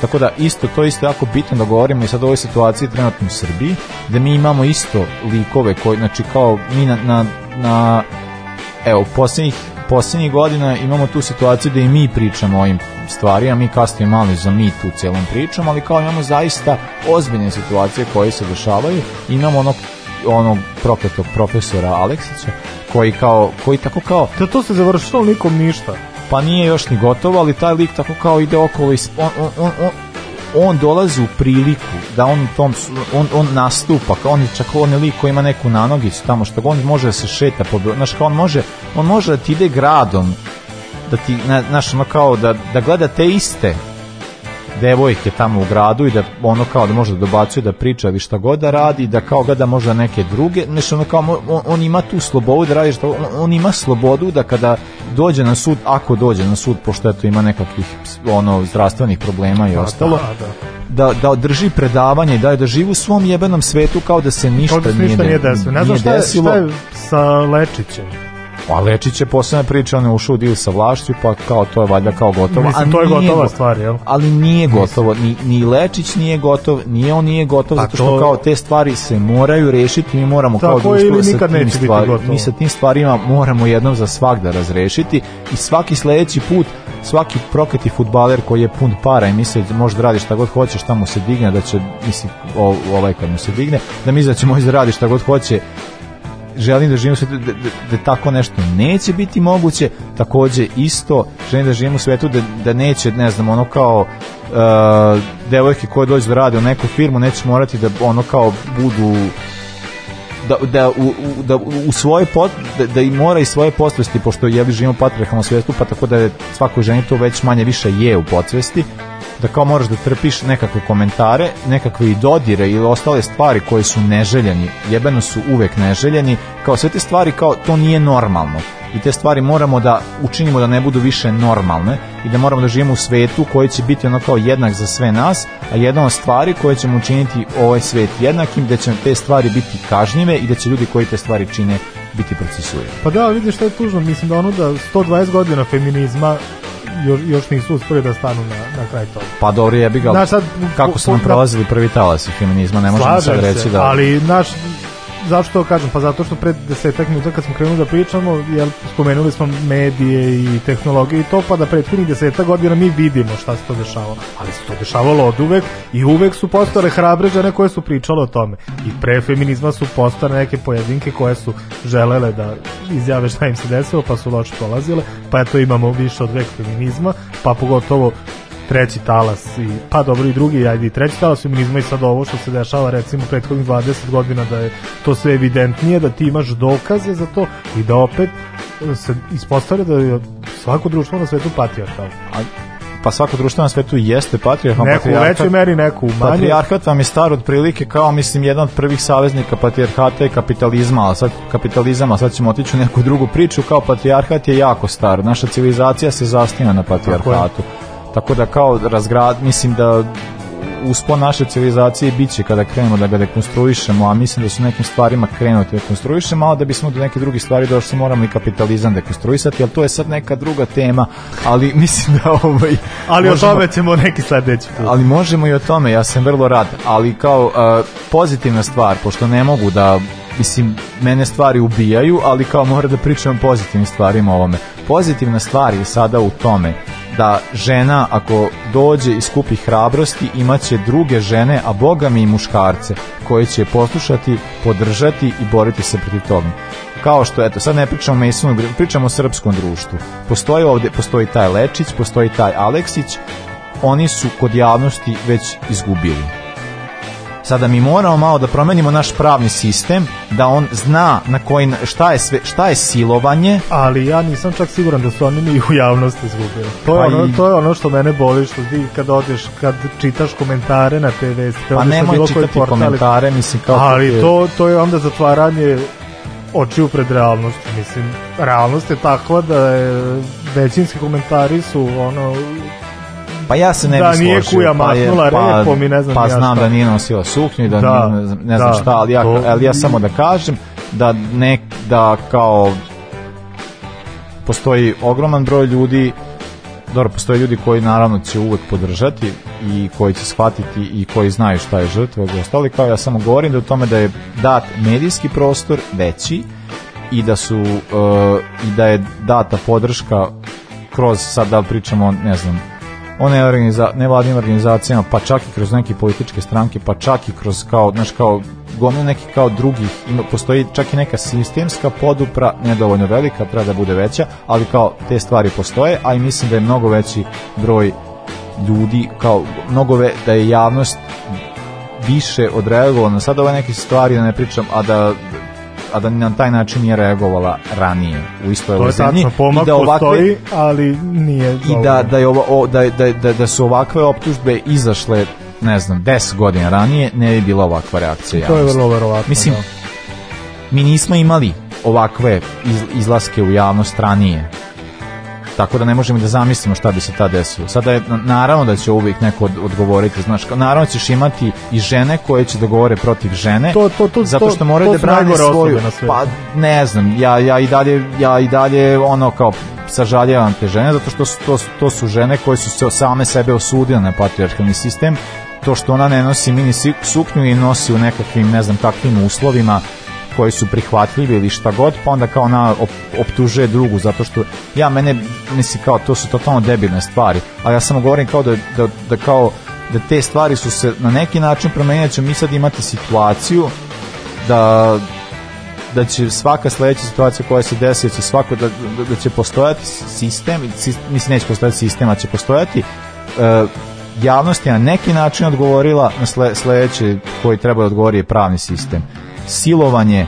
kao čin, kao na način na koji se na, na način na koji se o, o, tome priča u okviru, mislim na način na koji se e, cel, celi sudski procesi i pravni procesi vode mora se vodi na drugačiji način, mora da, mora da se uzima perspektiva žrtve više, ja, mislim kao nije silovanje kao to kad, kad te neko pretuče, to je mnogo drugačiji način, ti ne možeš da maltretiraš žrtvu kao što se kod nas radi i kao i postoji kao i različite kao različiti tipovi silovanja, nije silovanje samo sam seksualni čin, i nije kao i ako se desi seksualni čin nije to što neko, neko nije rekao ne od šoka ne znači da je prihvat mislim znaš kao to ima gomila stvari Jeste, kompa, tako da, kompleksno. to je jako kompleksno pitanje ali kao ja, ali ja vidim prostor veliki mislim prostor veliki za napredak postoji ali ja vidim da to mora da se desi jer jednostavno vreme nas stiže i kao te A stvari ja se da nadam da, se... da će da se desi ne vidim baš preterano uslove ali moramo da se potrudimo. Pa ja, evo, ja nisam socijalni radnik, ali ja vama, socijalnim radnicima, želim da verujete. Hvala ti. uh, e, morbidi, noći i put. Može. A beži iz offside-a, pa profesora stalno ga hvataju.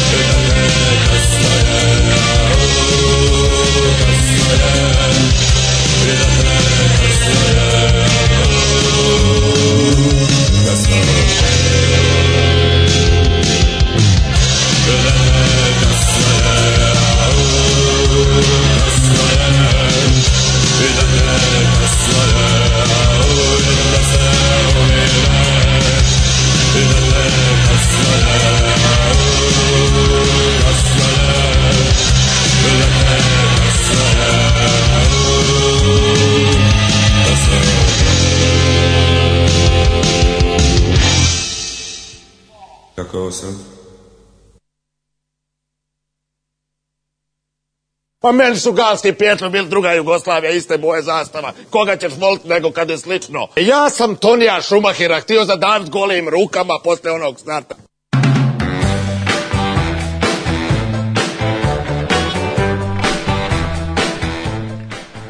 Pa mi, na, mi nastavi smo, mi nastavi smo. da. Stefan mi pa, nešto, ka, ka, no, mnogo mi je pesimističan, ja pokušam da ga bodrim. Ja sam ljut i gledam da budem realan i, i, i u tom svom besu i u tome što se dešava. Ja se slažem da postoji pomaka, ali da je potrebno još mnogo, mnogo više. E, ja pozivam Stefana i sve one koji osjećaju opravdani bes, poput ovog, da ovaj, imaćemo sad proteste u martu, pa dođite, podržite, a i među vremenu, ljudi, ono, radite nešto povodom toga, kada kada vam se neko požali da je prošao kroz nešto, podržite ga, ako ništa saslušajte, nemojte govoriti šta se radila i ostale stvari, saslušajte i podržite, mislim, početak. Muško-ženska solidarnost. Pa i mislim ono kao naš, ono, eto, slušaju nas već, već, već smo muškarci, tako da ovaj, podržite žene koje prolaze kroz probleme, mislim, to je a i pogotovo zbog toga kao ne mislimo samo na ono, mislim da je osnova svega jeste svake promene je u solidarnosti tako da tako. je nešto, nešto možemo računati hoćemo o, o posledicama rata u Ukrajini Joj, strašno, strašne i teme. Da, ovaj, da, uh, E, da, rekli smo da ćemo raditi nešto kao opširnije varijantu, tako da je E, mislim, svi smo sve, svesni toga što se trenutno dešava u Ukrajini. Šta misliš, koji je sledeći e, stupanj ovog rata? Pa ne, mislim baš dosta odmakli od futbala u ovoj emisiji, pa ću, da, pa ću dozvoliti sebi da iznosim svoje stave. O, ovaj, pa ne znam, da, mislim kao da, da, da je stvar u tome da sad kao da, da cela situacija koja se trenutno kod nas dešava jeste kao da smo sad svi nešto uh, uh, mislim na, naše društvo je poprilično polarizovano pa i po, o, o, po ovom pitanju i onda kao da smo imali sad tu situaciju da gomina ljudi reaguje da ono kao pa i ja možemo reći slobodno većina verovatno da ono, na, navija za Putina, nekim... Ne znaš kako, kako može iko da se naslađuje time. Mi, ja, ja, znaš, kao, i pored toga, kao koliko god imao e, šta protiv NATO, imam dosta toga protiv NATO i protiv Amerike ili što god, i imam dosta protiv toga i protiv ukrajinskih, ono kao stvarno, mislim bio sam u Ukrajini, video sam stvari i, i znam ka, kako se stvari tamo, i znam da postoji rehabilitacija uh, kolaboracionističkog režima tokom drugog svjetskog znam sve te stvari ali opet kao uh, naslađivanje onoga što se sad trenutno došao ljudi dešava se rat razumeš onda kao to meni, meni, meni je to stvarno nevrovatno da bi neko tako uopšte mogao da reaguje da može da se raduje tako nečemu a pogotovo to što kao ovo nije reakcija da je ne znam ono kao Rusija došla pod, podržala Donjecku i Lugansku republiku i ne znam šta je još kao tu radila kao da nego kao ovo je okupacija povrata pa ovi su ušli u Kijev ovo je pokušaj okupacije od čitave zemlje agresije na zemlju i sad kao tu sad ne znam kakav moraš biti da ne budeš misli kao pogotovo naš kao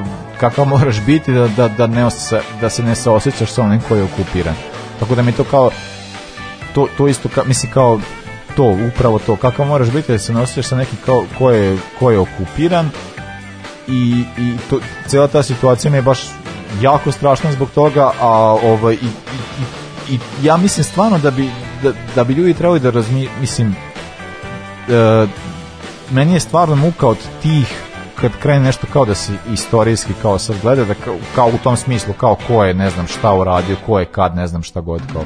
Mi imamo ovde sad trenutno čin da je Rusija napala Ukrajinu i da je baš, brate, mili napala. I to ne treba da ima veze sa bilo čim. Rusija je napala Ukrajinu, Ukrajina je slabija od Rusije. Ukrajina je najveća zemlja u Evropi, ali, brate, Rusija je najveća zemlja na svetu i Rusija ima e, ogromnu vojnu moć, Ukrajina nema upravo zbog nekakvih pregovora i dogovora koji su Upravo zbog toga što su rekli Rusima evo, evo ali vi nemojte, ali vas ne, ali nas nemojte dirati. Da. Tako da ono da. kao mislim kao imamo tu čitavu situaciju, ja stvarno ne mogu da razumem kako uopšte neko, da neki, mislim, to je stvarno, mislim kao, meni je ta, ta stvar suluda i užasavajuća i onda kao, i onda još pod kad sa strane imaš kao Putinova, Putinove stavove i razmišljanje o tome da kao Ukrajinci nisu pravi narod, nego su to Rusi koji su, ne znam, skre, mislim, ne znam ko Šešelj kad priča po Upa, Hrvatima pa to je 90. To, to, je to, da. to, je, to je stvarno užasavajuće, onda je stvarno ne mogu da shvatim uh, uopšte kako, znaš, kao kad sve to saslušaš, kako ti može biti, ne znam sad koja je dru, druga stvar bitna i važna, tako da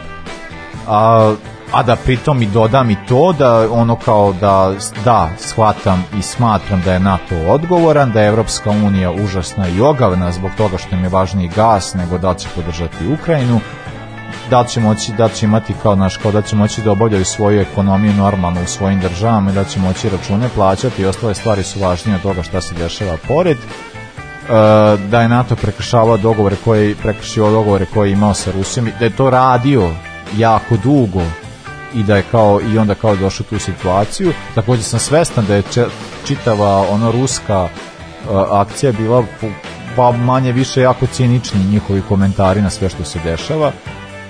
Mislim, oni Rusi su cinični. Pa i, ali da, i opet kad pričamo o, o žrtvi i nasilniku, Putin glumi žrtvu. I ljudi puše tu priču, ono, da ste vi normalni. Znaš, od njega smo to videli viđamo zadnjih 20 godina i koliko je već on aktoran i to samo tako prolazi. Pa puše ljudi priča, mislim, mislim, kao, čo, mislim da... I ono najgovnarskija stvar, evo, to, od, o tome se ovo već danima priča, mi još nismo imali priliku to da kažem, ako ste verovatno čuli od mnogih, ali izveštavanje naših medija prvog dana koji su javili da je Ukrajina napala Rusiju, to je nešto najgovnarskije što je moglo da se desi. Pa to je to se desilo zato što je Rusija odradila varijantu. Ja mislim da je Rusija a, napravila neku vrstu cinizma i ironije svih prethodnih ratova koji su dešavali ranije. Mislim, meni to prvo sa tim početkom je bilo kao da je Ukrajina napala Rusiju, to je bilo kao na drugi svetski rat da je Poljska napala Nemačku. Pa to je to. A onda smo imali kao celu tu varijantu kao da način na koji oni prič, kao opravdavaju svoje akcije ili što god, ali to, je, ali, ali to je rađeno, mislim to se vidi da je čist cinizam, znači to je samo e, se odnosi na NATO, NATO agresije, mislim najsvežija nama naravno je ona koja se desila na Srbiji Jugoslavi koje ti ne sećaš, ali ovaj meni ja Ali sam je preživao. Ali ovaj ja se sećam i stvarno to zvuči sve tako. Ja kapiram da to je sve rađeno namerno da se samo ukaže na koliko je to i kao i to je meni to je meni jasno. Ja to kapiram. Pa ti zvuči poznato i to da je to odbrambeni rat to ti isti, znači ista priča koja je ovdje bila pa, 90. On vodi dakle. odbranbeni rat s time što ulazi u Kijev. Pa ja ne vidim koja je odbrana o tome da ti uh, Pa odbranit se tako od, na zap, na, da moraš mo, možeš tići do Berlina i reći ovo odbranbeni rat od Berlina do Moskve da. smo se odbranili i to je to sve ovo tako da naše. tako kao govoriš da ruski nešto narod strada u Ukrajini ili što god, ljudi znate kolika je Ukrajina i znate yes, da su Luganski Donetsk, a gde je Kijev, tako da ono kao Pa ne znaju, stvar, ali pa to je stvar što ne znaju i zato pa mogu da se puše takve priča. Tako da, mislim, to je sve pa strašno Znaš, i ti užasno. Znaš, koliki koliki je Harkov, koliki je Mariupolj, koliki je Harkov Melipolj. Harkov je drugi najveći ko, grad u Ukrajini. Ukrajini, tako je, koliko, mnogo tih gradova, pa koliki je Donjeck, mislim, bilo, to je velika država, svi ti gradovi su veliki. ali ljudi Ja imam pa osjećaj da oni to ne znaju. Pa ne, ne, ne, da ne znaju da je sve to kao varijanta, kao Putin, ne znam šta god i Putin ovo i kao i sad kao svi podržaju, a ja pritom ja stvarno, ne, mislim stvarno ako god je pogledao ta govor Putina pre tog napada, ja ne znam kako neko može uopšte da ja mislim ti kad pogledaš taj govor ti misliš wow, ovo je totalni ludak ovo je manija. govor psihopate i ono kao ja, ja, ja stvarno ne mogu da razumem uopšte kao mislim ja stvarno i, i, i ja stvarno bih volao da pričamo kao kada se priča u ovom ratu da se priča o temi, a tema je Rusija napala Ukrajinu. A onda posle možemo da pričamo o drugim stvarima, šta je uradio NATO, šta je radila Europska unija, šta je radila Ukrajina prethodni godine. Mislim, ova cela stvar Ukrajine traje jako dugo. Mislim, to već to je prešlo Pravi. deceniju i nešto. Mislim, kao to, to traje jako dugo. Onda možemo da pričamo o drugim stvarima. Onda možemo da pričamo šta se dešava u Jemenu, šta se dešava, kao, u Jemenu se ovo dešava i duže nego što ovo traje, da, razumiješ kao, a niko opet... ne priča zato što smo fokusirani na Evropu i jebe nam se Tako mi smo pokazali koliko smo evrocentrični i taj dan, mislim, ajde yes. što kažeš, u, u dobrom delu sveta se već vode neprekidni ratovi, dugo koji, koje nas jednostavno ne interesuju i zbog nekih civilizacijskih stvari, zbog toga je Pa ljudi, šta se pre dešava? smo evrocentrični, šta se ali dešava stvar, u Rožavi sve ovo ali, vreme, ali, niko ne priča. A, ali taj dan, taj dan kad je Rusija napala Ukrajinu, su, se desilo još tri, još, izbila su još tri rata o kojima se nije, nije pričalo na, na Bliskom istoku i na severu Afrike. Znači, da bi se izbjelali sa... Pa ili su nastavljeni da. ili kako god. Da. Ali, a u tome je upravo ali, stvar, ali je stvar u tome što, da... što neki ljudi jednostavno žive u ratu prethodnih 30 godina, to su njima normalne, no, nove normalne okolnosti.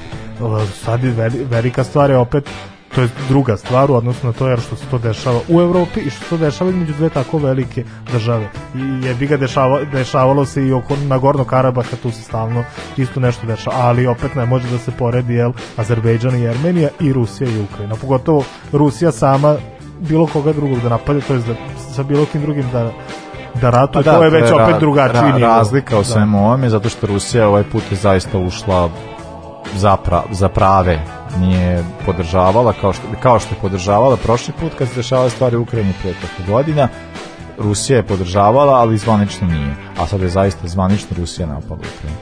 Nego, hoćemo mi pričati... Ajmo, mi, ajmo malo o sportu, da. Uh, da, mislim, tema koja pričamo jeste to kao e, šta će se sad dešavati što se tiče glede futbala, što se tiče ove agresije. Mislim da smo svojim stavovima trenutno opravdali Uh, poverenje da pričamo o ovoj temi, da kao vladamo temom, pa onda možemo da pričamo i, i o futbalu u okviru toga. Uh, stvar koja se trenutno dešava jeste da uh, sport, mislim, sportski klubovi, timovi i reprezentacije Rusije pa i Ukrajine su u opasnosti da učestvuju u nekim drugim takmičenjima i sad pogotovo što se tiče Rusije, budući da je stav svetskih eh, sportskih federacija, asocijacija E, protivan Rusiji, sad kako će, šta će se dešavati sa tim timovima i kako će te stvari se realizovati. Ona kao stvar koja je, mislim, to su sve trenutno na, na nivou nezvaničnih vesti. Ja se sećam da je prva vest koja je izašla, da recimo što se tiče Uh, kvalifikacija, za, to jest baraža Aha, za svetsko prvenstvo, da je bilo kao da Ukrajina i Rusija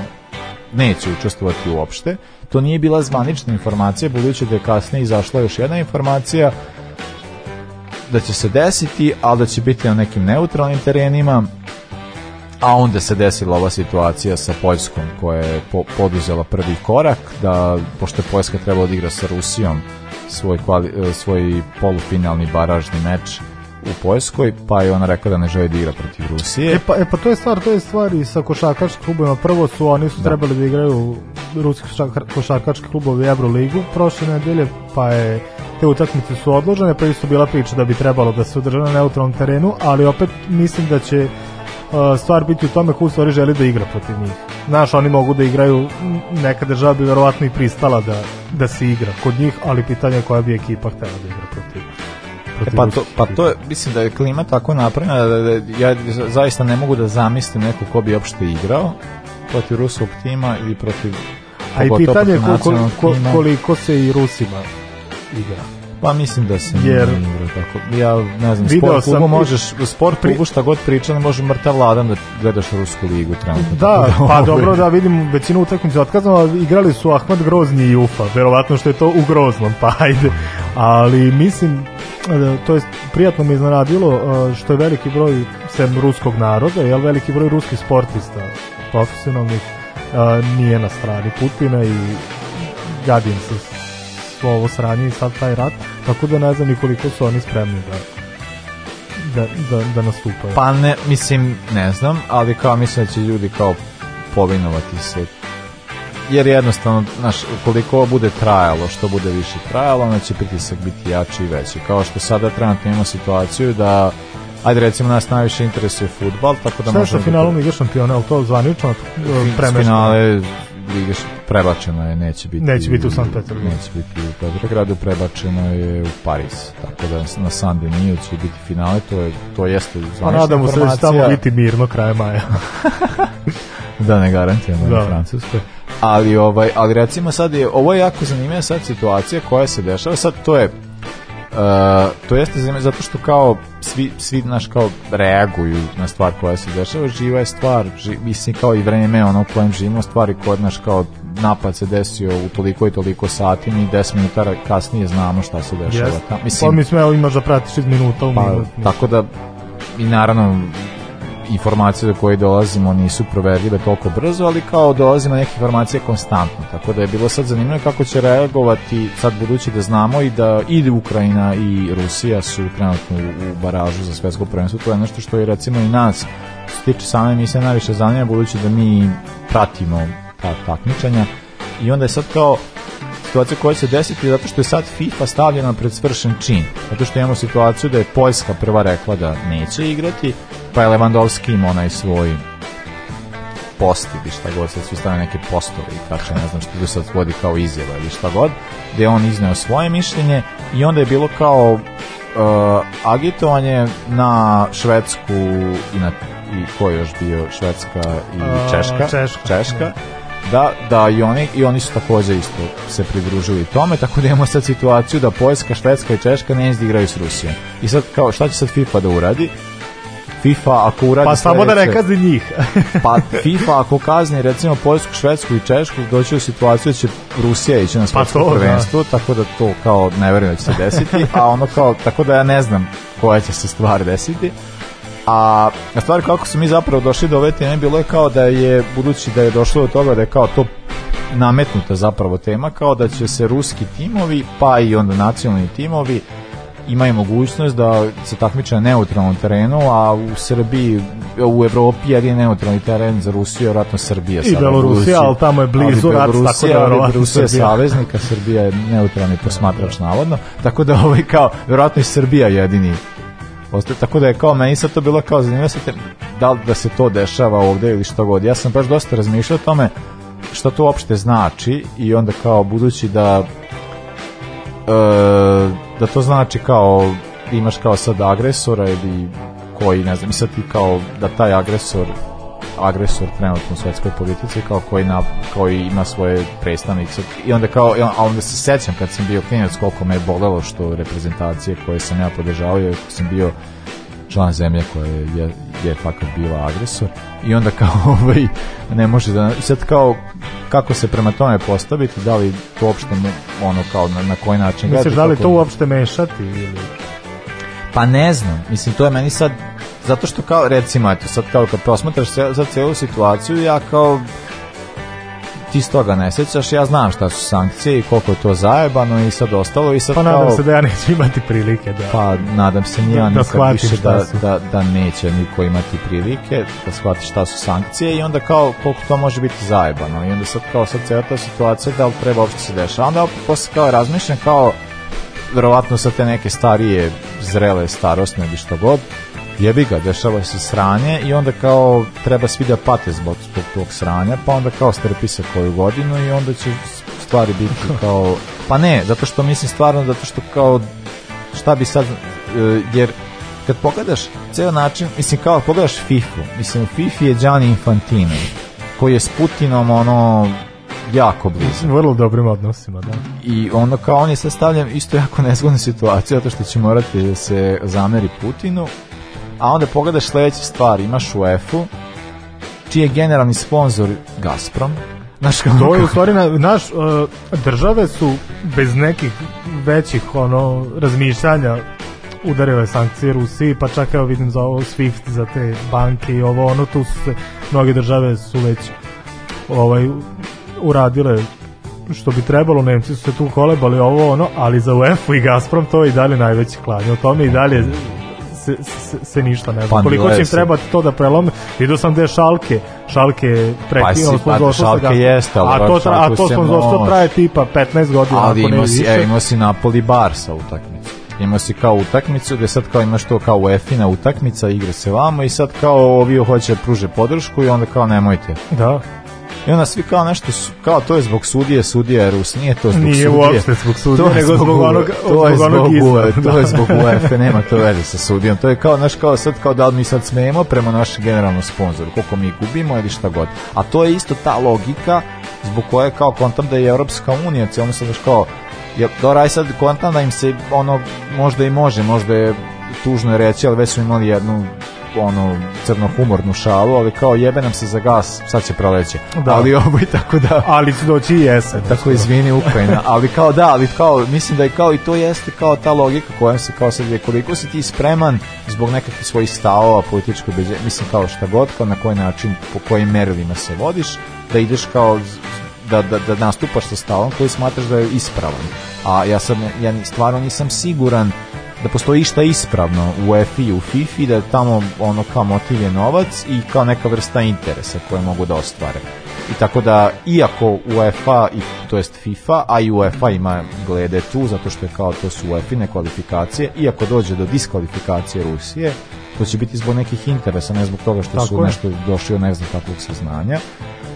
A, a mislim da je potez Poljske smeo, ali mi se, mi se sad ono kao pričao sam uh, nemam tu baš do, još uvek jasan stav što se tiče poteza Poljske, ali mi se sviđa ta situacija da imaš Poljska, Češka, Švedska, kažu nećemo da igrati protiv Rusa. I sad me zanima šta ali vi sad vidite. A vi da. sad vidite, da. šta ćete sada vidjeti? To me jako zanima da, da. i to mi se ta situacija mi se jako sviđa, pošto su se uprali to, kako to nije politi, politička organizacija, kako to nije politika ili šta god. ovde imaš kranje političku odluku koju da doneseš i jako se njoj radujem da je čujem. A, da, idemo dalje, slušamo Zabranjeno pušenje i stražu pored Prizrena, a onda pričamo... I idemo na ikonu onda idemo i malo da u Afriku, Idemo tamo gde rata nema. Treba, mislim, a, ima, uh, rata, uh, ima rata, rata, izvinjavam se, ali kad je bio bijek nije bio, ali...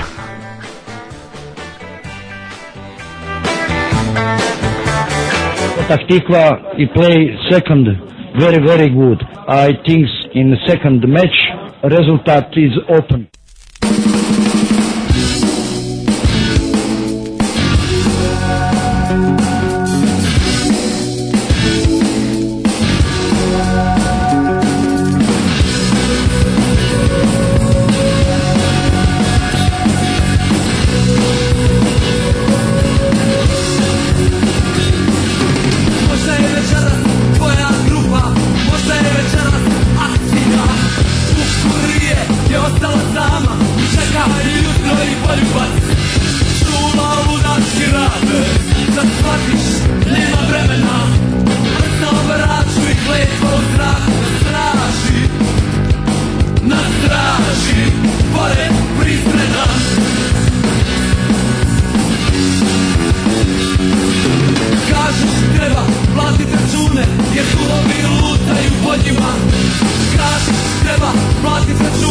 za świecie niknie i krowowa Wierujesz, da nasze dziecko to jest to, co kobieta Nosi Schumana, kad jeden od nas bude u vlasu na da straži Ja da straži, pored Pristrena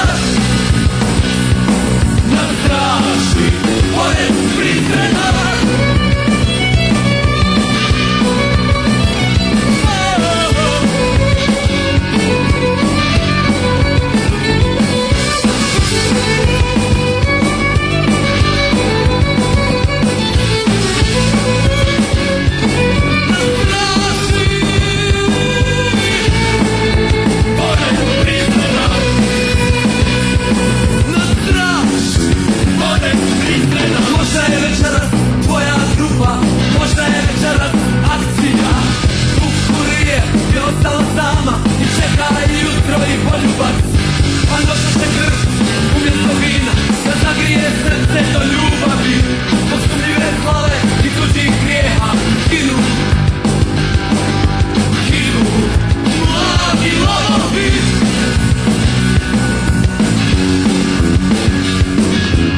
li sam tebe dalje i lijepo smo se obukli Dvije djevojke hode za nama po toploj prizrenskoj kao drži Ozija kod dva mlada jelena Biće mi žao što smo se sreli na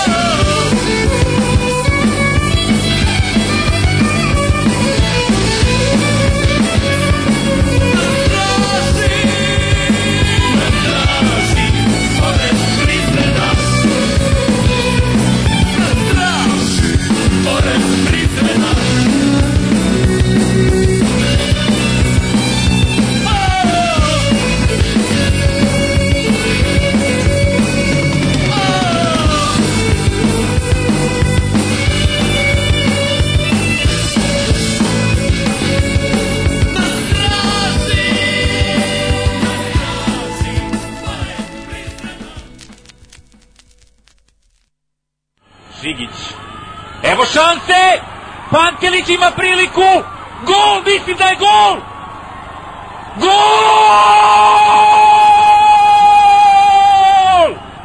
Ne, menja odluku sudija.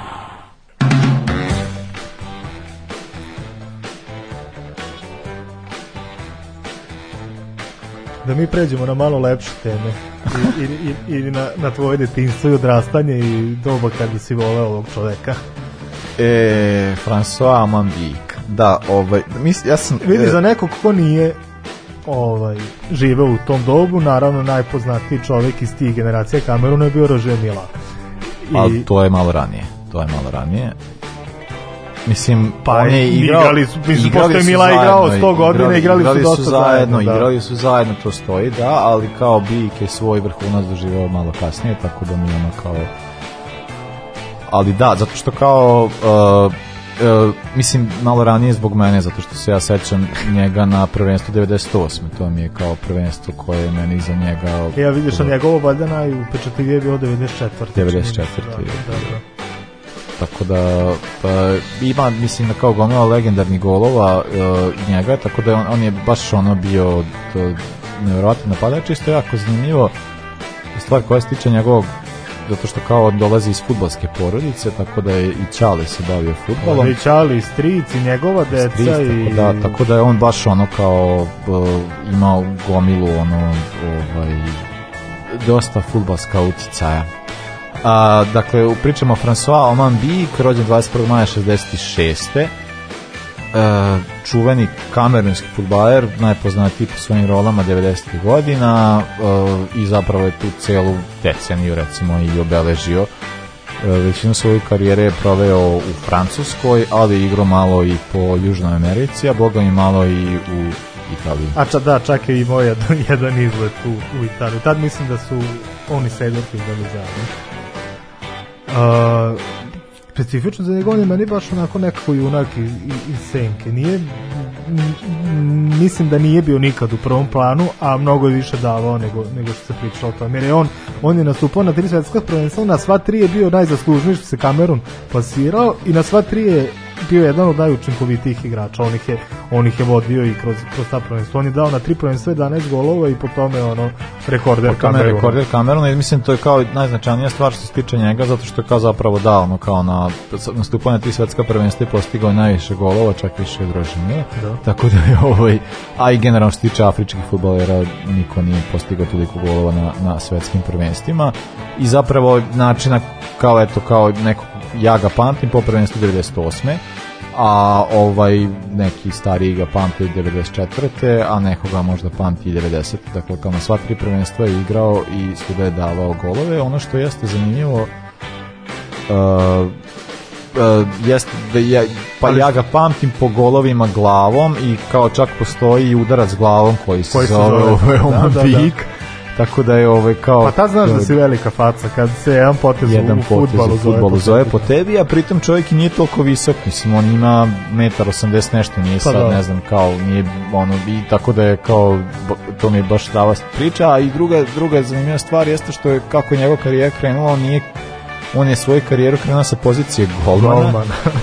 pa je onda e, pa je onda kasnije, ne znam, ja mislim da da su ga prebacili na štopera i onda je te kasnije kao zaključeno da bi mogao da bude napadač a mislim ja se sećam njegovih golova za Kamerun koje je postizao neke nerovatne, mislim no ima kazice i ne znam neke stvari kao tako kao Bikovi golovi su bili baš ono e, I, i ono što je jako značajno za njega da je dao gol u važnim utakmicama da je stvarno imao pa tu lider, da. lidersku, lidersku crtu tako da ga kao to čini jednim on Zato meni, znaš, kao kad se priča o kamerunskim igračima, kao što sam rekao na u uvodu u emisiji, meni je Oman Bijik zaista deluje kao najvažniji, zato što vidim njegovu rolu kao jedan u svim tim kamerunskim nastupima do sada, da je on kao stvarno bio čovek koji je ovaj, nekako znao da povuče kad treba, imao tu ta i ne znam, meni je kao kad zamišljam kamerunski dres, ja vidim sedmica Oman Bijik, to je meni kao ovaj to, to je moje glavi kao, kao ne, ne, neka vrsta neka vrsta kao simbola kao kamerunske reprezentacije. Sa što se tiče njega, njegove klubske karijere, Uh, on je započeo to sve u Kamerunu, a onda je prešao u Francusku.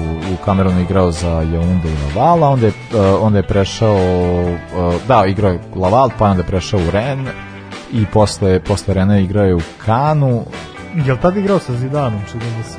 A, to, zna, 90, to su mi tu nek, 92, neke godine, sad vrlo, ja, vrlo moguće. Sad nisam siguran, igrao je samo jednu sezonu u Kalnu, on je svake sezone skoro menjao klub.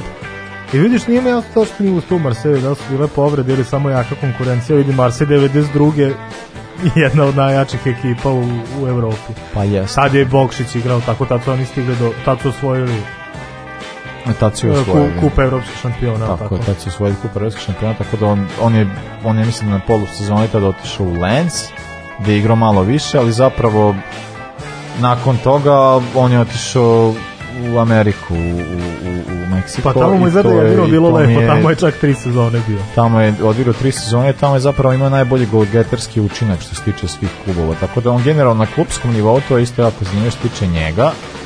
Uh, osim tih nek, te prve sezone u Renu i recimo kao u Kanu ni, ni on ima nekakav učinak značajan uh, što se tiče kao na tom nekom nivou što, što, što se tiče samih klubova da to, to mislim da je u, u Americi imao naj uh, pogo, najbolji učinak i ov, i to je ba, to su baš te zato kažem kao te 90-te po kojima njega pamtim zato što je pre, bilo prvenstvo 94 nakon toga 98 da, da i tu je bio nekako u formi u klubskoj, a i u reprezentativnoj. Uh, kasnije u karijeri igraju, eto, igraju u Sampdori, to je bilo nešto ništavno pa i onda se opet vratio u, u Meksiko, a i tamo takođe nije nešto, ne, nešto postigao. Karijeru je završio isto u, Francuskoj 2000-te, u, u Šatoru, Šatoru da. i to nije nešto bilo značajno a, što se tiče reprezentativne karijere završio 98. kada je bilo i svetsko prvenstvo. Ja, da, a vidiš počeo reprezentativnu karijeru još dok je bio dok je igrao u Kamerunskoj ligi.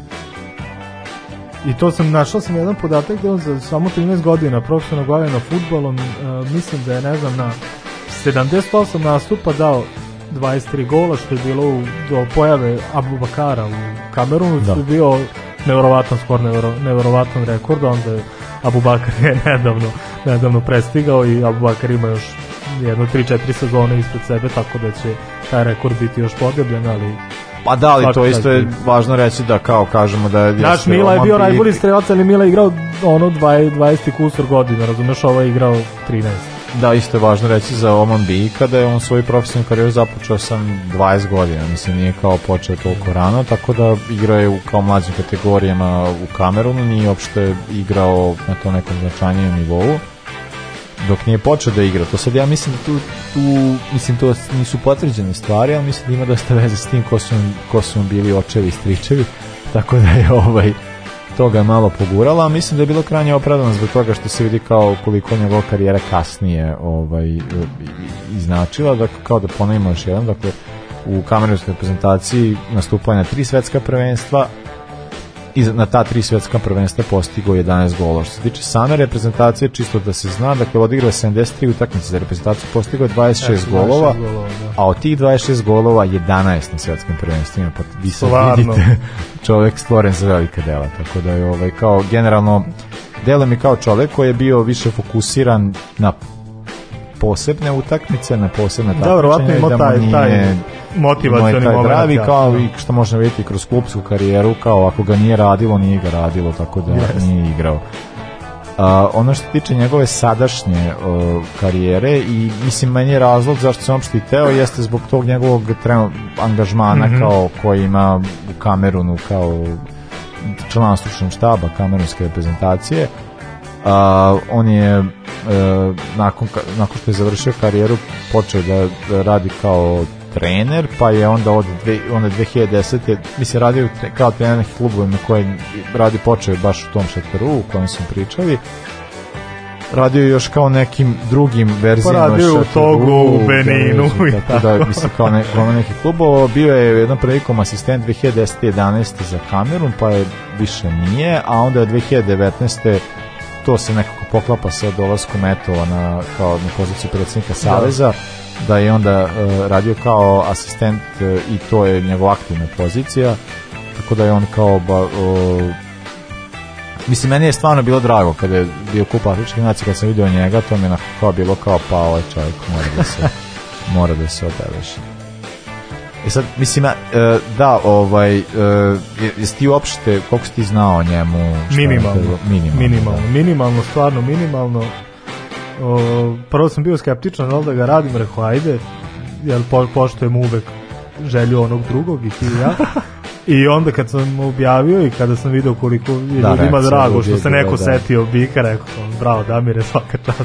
Pa ne, ja ti kažem, meni su ti, ti uh, taj njegov gol glavom, ali taj gol, uh, taj gol, kao ali, te neke ne polomakazice, taj, taj pogodak, to je meni bilo nešto što je... Onu sliku uh, utakmice ta protiv protiv Argentine za, da. za, za 1-0, tu sam sliku kači u objama, ne, ne, ne, ne, neverovatan skok, ne, neverovatan moment, svaka čast i fotografu koji je to uhvatio, ali on, jednostavno kad vidiš fotografiju vidiš da nešto veliko stoji iza toga, da je to ve, veliki, veliki sportski događaj. Pa ne, meni, meni, ja to što kažem, meni je Oman ovaj Big bio značajan zbog toga što meni deluje kao uh, ne znam, sad kao ajde, to, da, to sad kao već postaje, pošto stalno pričam, ali to meni je kao simbol onih futbalera koji su futbol doživljavali nekako malo drugačiji način, znaš, kao postoje kao futbal je tu da se uživa u njemu, da se igra, postoje te neke velike utakmice kad se treba pokazati ko si i šta si i Oman Bijik je uvek odgovorio tom izazovu i onda meni kao, meni je stvarno on bio simbol tog perioda, kažem ti druge polovine 90-ih, kao ali pogotovo kad sam gledao 98 kad gledao snimke od 94. kao stvarno igrač koji je ono za kamernsku reprezentaciju činio nevjerovatne stvari i ono kao ostave simbol tih nekih uh, e, uh, e, tog kao što se tiče af, afrički futbol je stvarno imao taj udar 90. godina su imali kao gomilu dobri pa Nigerija, Kamerun imali da. smo Nigeriju, imali smo Kamerun i o, na različitim takmičenjima, imali smo 2002. Senegal, imali smo, kao, imali smo kao gomno neke reprezentacije koje su stvarno činili e, neke značajne rezultate. Meni je bilo ja samo da kažem, meni kao tih prvih igrača koje sam kao pamtio, jedan od njih je bio i Oman Bik i kao ti neki njegovi golove, ja i to se znam, to, ta, ta varijanta sa tim golovima glavom i to, tome da se postoji određen raz glavom koji se zove po njemu, ko je nevjerovatno. Tako da mislim kao stvarno da je e, koliko god njegov učinak u nekim kao širim spektrima bio smatran kao skromnim, ali mislim da je kao, ako je bio skroman, mislim da je bio značajan i mislim da je on bih stvarno obeležio jedan period e, futbala 20. veka, krajem 20. veka, tako da kao mislim da bi je bio značajan da, da, ga i mi, da ga mi podrema i mi, drago mi je da su ljudi na to reagovali i mislim da, da kome, da imamo ljude koji ko smatraju futbol na taj neki način koji mi posmatramo i drago mi što nam slušaju. A već ako nas ljudi slušaju i posmatraju futbol na sličan način, možemo ih pozvati da i nas podrže nismo bili aktivni, mi znamo, ali nemojte dozvoliti da samo nas Đole plaća. Sve meseci čovjek plaća, nije bilo emisija. Kad smo kod Đoleta, da... on mi upravo poslao poruku, mora da pročitam, kaže, jel bila emisija, ne vidim na sajtu i na podcastu, pa emisija i dalje traje. Ver, verovatno se nije nadao, ćemo dva i po sata. E, Đole, evo to, imaćeš, imaćeš gušta. Imaćeš gušta, dva i po sata traje emisija, tako da ovaj, imaćeš čega naslušati. A, tako da da, a, pozivamo sve da nas podržite a, budući da kažemo mi ovo jeste da bili smo bolesni i sve, ali mi ćemo to nadoknaditi iako Uh, za to nismo nešto sad kao ne, mislim to je čisto naša motivacija nadoknadimo odgovornost koju imamo prema ljudima koji nas slušaju tako da bi molili i one ljude koji nas slušaju da odgovori na naš, i da, naše ne mogu reći potrebe ali želje recimo ovaj, uh, kogo, uh, kogod želi da nas podrži to može da uradi putem e, Patreona, Paypala i dinarskog računa koji imate informacije na našim društvenim mrežama smatramo da to je bitno zato što želimo da radimo neke stvari majice smo skoro prodali imamo još, Stefan, imamo još još koji kom, uglavnom su M veličine pa sad da M veličine, tako da ako ste ono tu kao ako imate koga. I za, sledeći, i za sledeći put obećavamo da će biti mnogo više XL Havana, mada ajde Bić. nema potrebe, pošto je L dosta veći nego što smo navikli, ali pošto svi tražite XL, biće XL. Biće više Nas slušaju XL ili jako visoki ili jako debeli ljudi, mm. nešto tako. Tako da, biće ljudi, ne brinite, planiramo sledeću sledeću turu, to će biti krajem godine, to, a ima već dizajni su razrađene, ideje su spremne, tako da se zna i bit će malo više ovaj, ob, mislim, bit će malo jači dizajnerski izražajni Da, pa imat ćemo profil dizajnera. Imat ćemo profil dizajnera od prošlog puta, to smo kao mi smišljali. Mislim, ja dobro mislim, nije to bio nekakav dizajnerski, ne znam, kakav poduhvat, ali sad ćemo imati neke majice sa porukama i nešto, pa kao to treba da se uradi lepo, da, Tako da viči na nešto.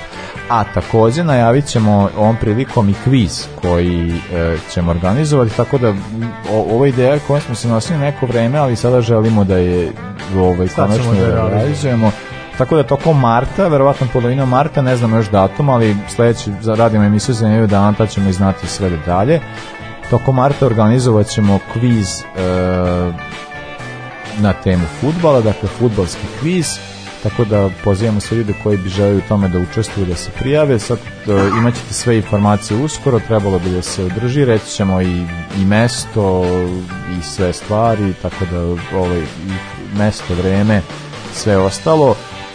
Uh, tako da ono ko želi da se okuša, ko želi da proba, uh, majice nešto što je ostalo bit će i tada poklonjeno tokom krize, tako da ako neko želi da pokuša i dobije na taj način moćića, to su malo što odvojili, pa eto čisto malo da se promoviramo, ajde vidimo Nećemo malo. Nećemo davati tako teška pitanja. Pa vidjet ćemo, vidjet ćemo. Ovaj, ko nas... smo morali da zabiberimo i Šarenom i Pa slušali ste pitanja, tu, da. slušali da. ste pitanja na penalima ovaj, za, evropsko, za svetsko, evropsko, svetsko, tako da ovaj, kao očekujte, možda neće biti toliko teško, ali kao ima više rundi, pa ćemo krenuti od lakših, pa, pa, da. pa jačim, tako da ovaj, Da, tako da, eto, to je nešto... Prelistajte stare albume, stare knjige, enciklopedije, enciklopedije. sve što imate Pa, mislim, to je nešto čemu se radujemo i ono kao baš bismo voleli da vidimo kao da vidimo i na taj način koliko da vidimo malo da proverimo mi znanje nas koji Tako slušaju. Je, da, da. Nas mi znamo što, da znamo, ali za vas pa nismo pa, sigurni. Pa znaš, kao nas prozivaju to što promašimo nekog da, igrača koji igra da. reprezentacija, da. gde igra koje sezone da. i šta god, kako si mogao to reći ili što god, ajde dođi ti Gari ovdje se ajde, ja pričaj.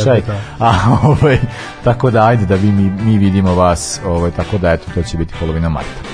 Uh, hvala velika, čujemo se za nedelju dana i sportski pozdrav. Laku noć i prijatno. Uh, alo, Darwin, Capricornija, čujemo se nedelju dana ovoga puta to je bilo u sastavu Janjuš Kojović, Bećis Pahić, Bratić Katalinski Hadžabdić, Jelušić, Janković, Bukal, Sprečo i Deraković. Evo je, to, šefe. Sarajevo, Sarajevo, Sarajevo. Jes, šefe, dobro, šefe. Sad smo jedan, jedan.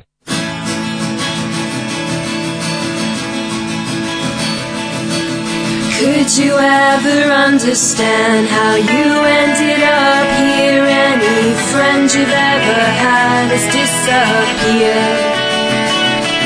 And the tug of a heartstring is the line that pulls you home. You bear witness to the ones you used to know.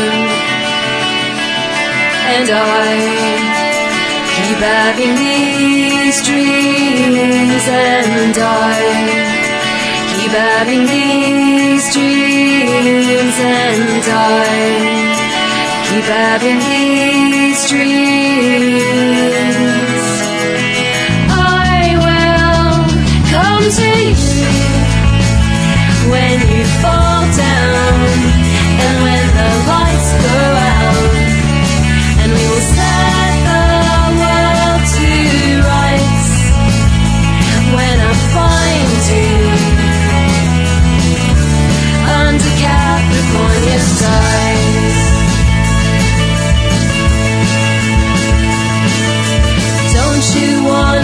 someone you've gotta let it go if we say it will be old before we know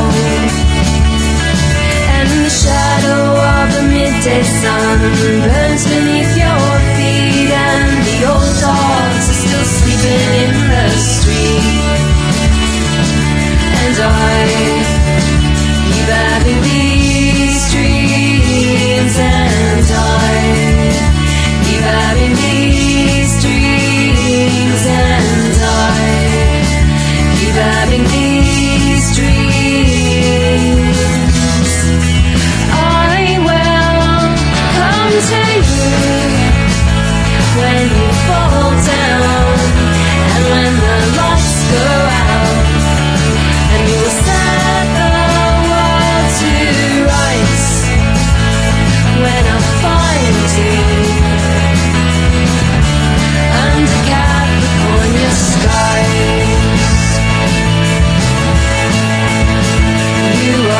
questions that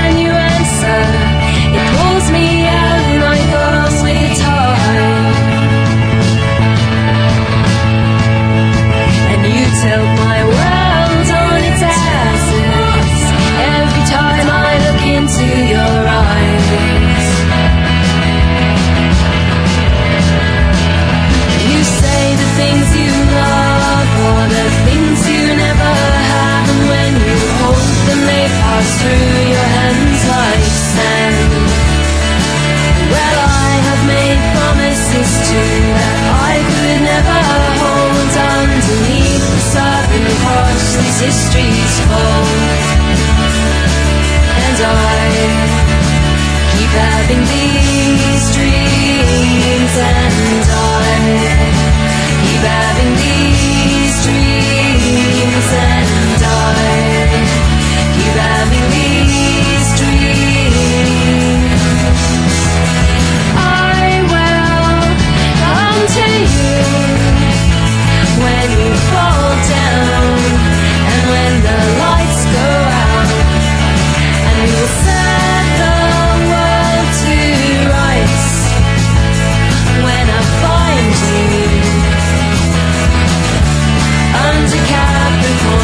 sky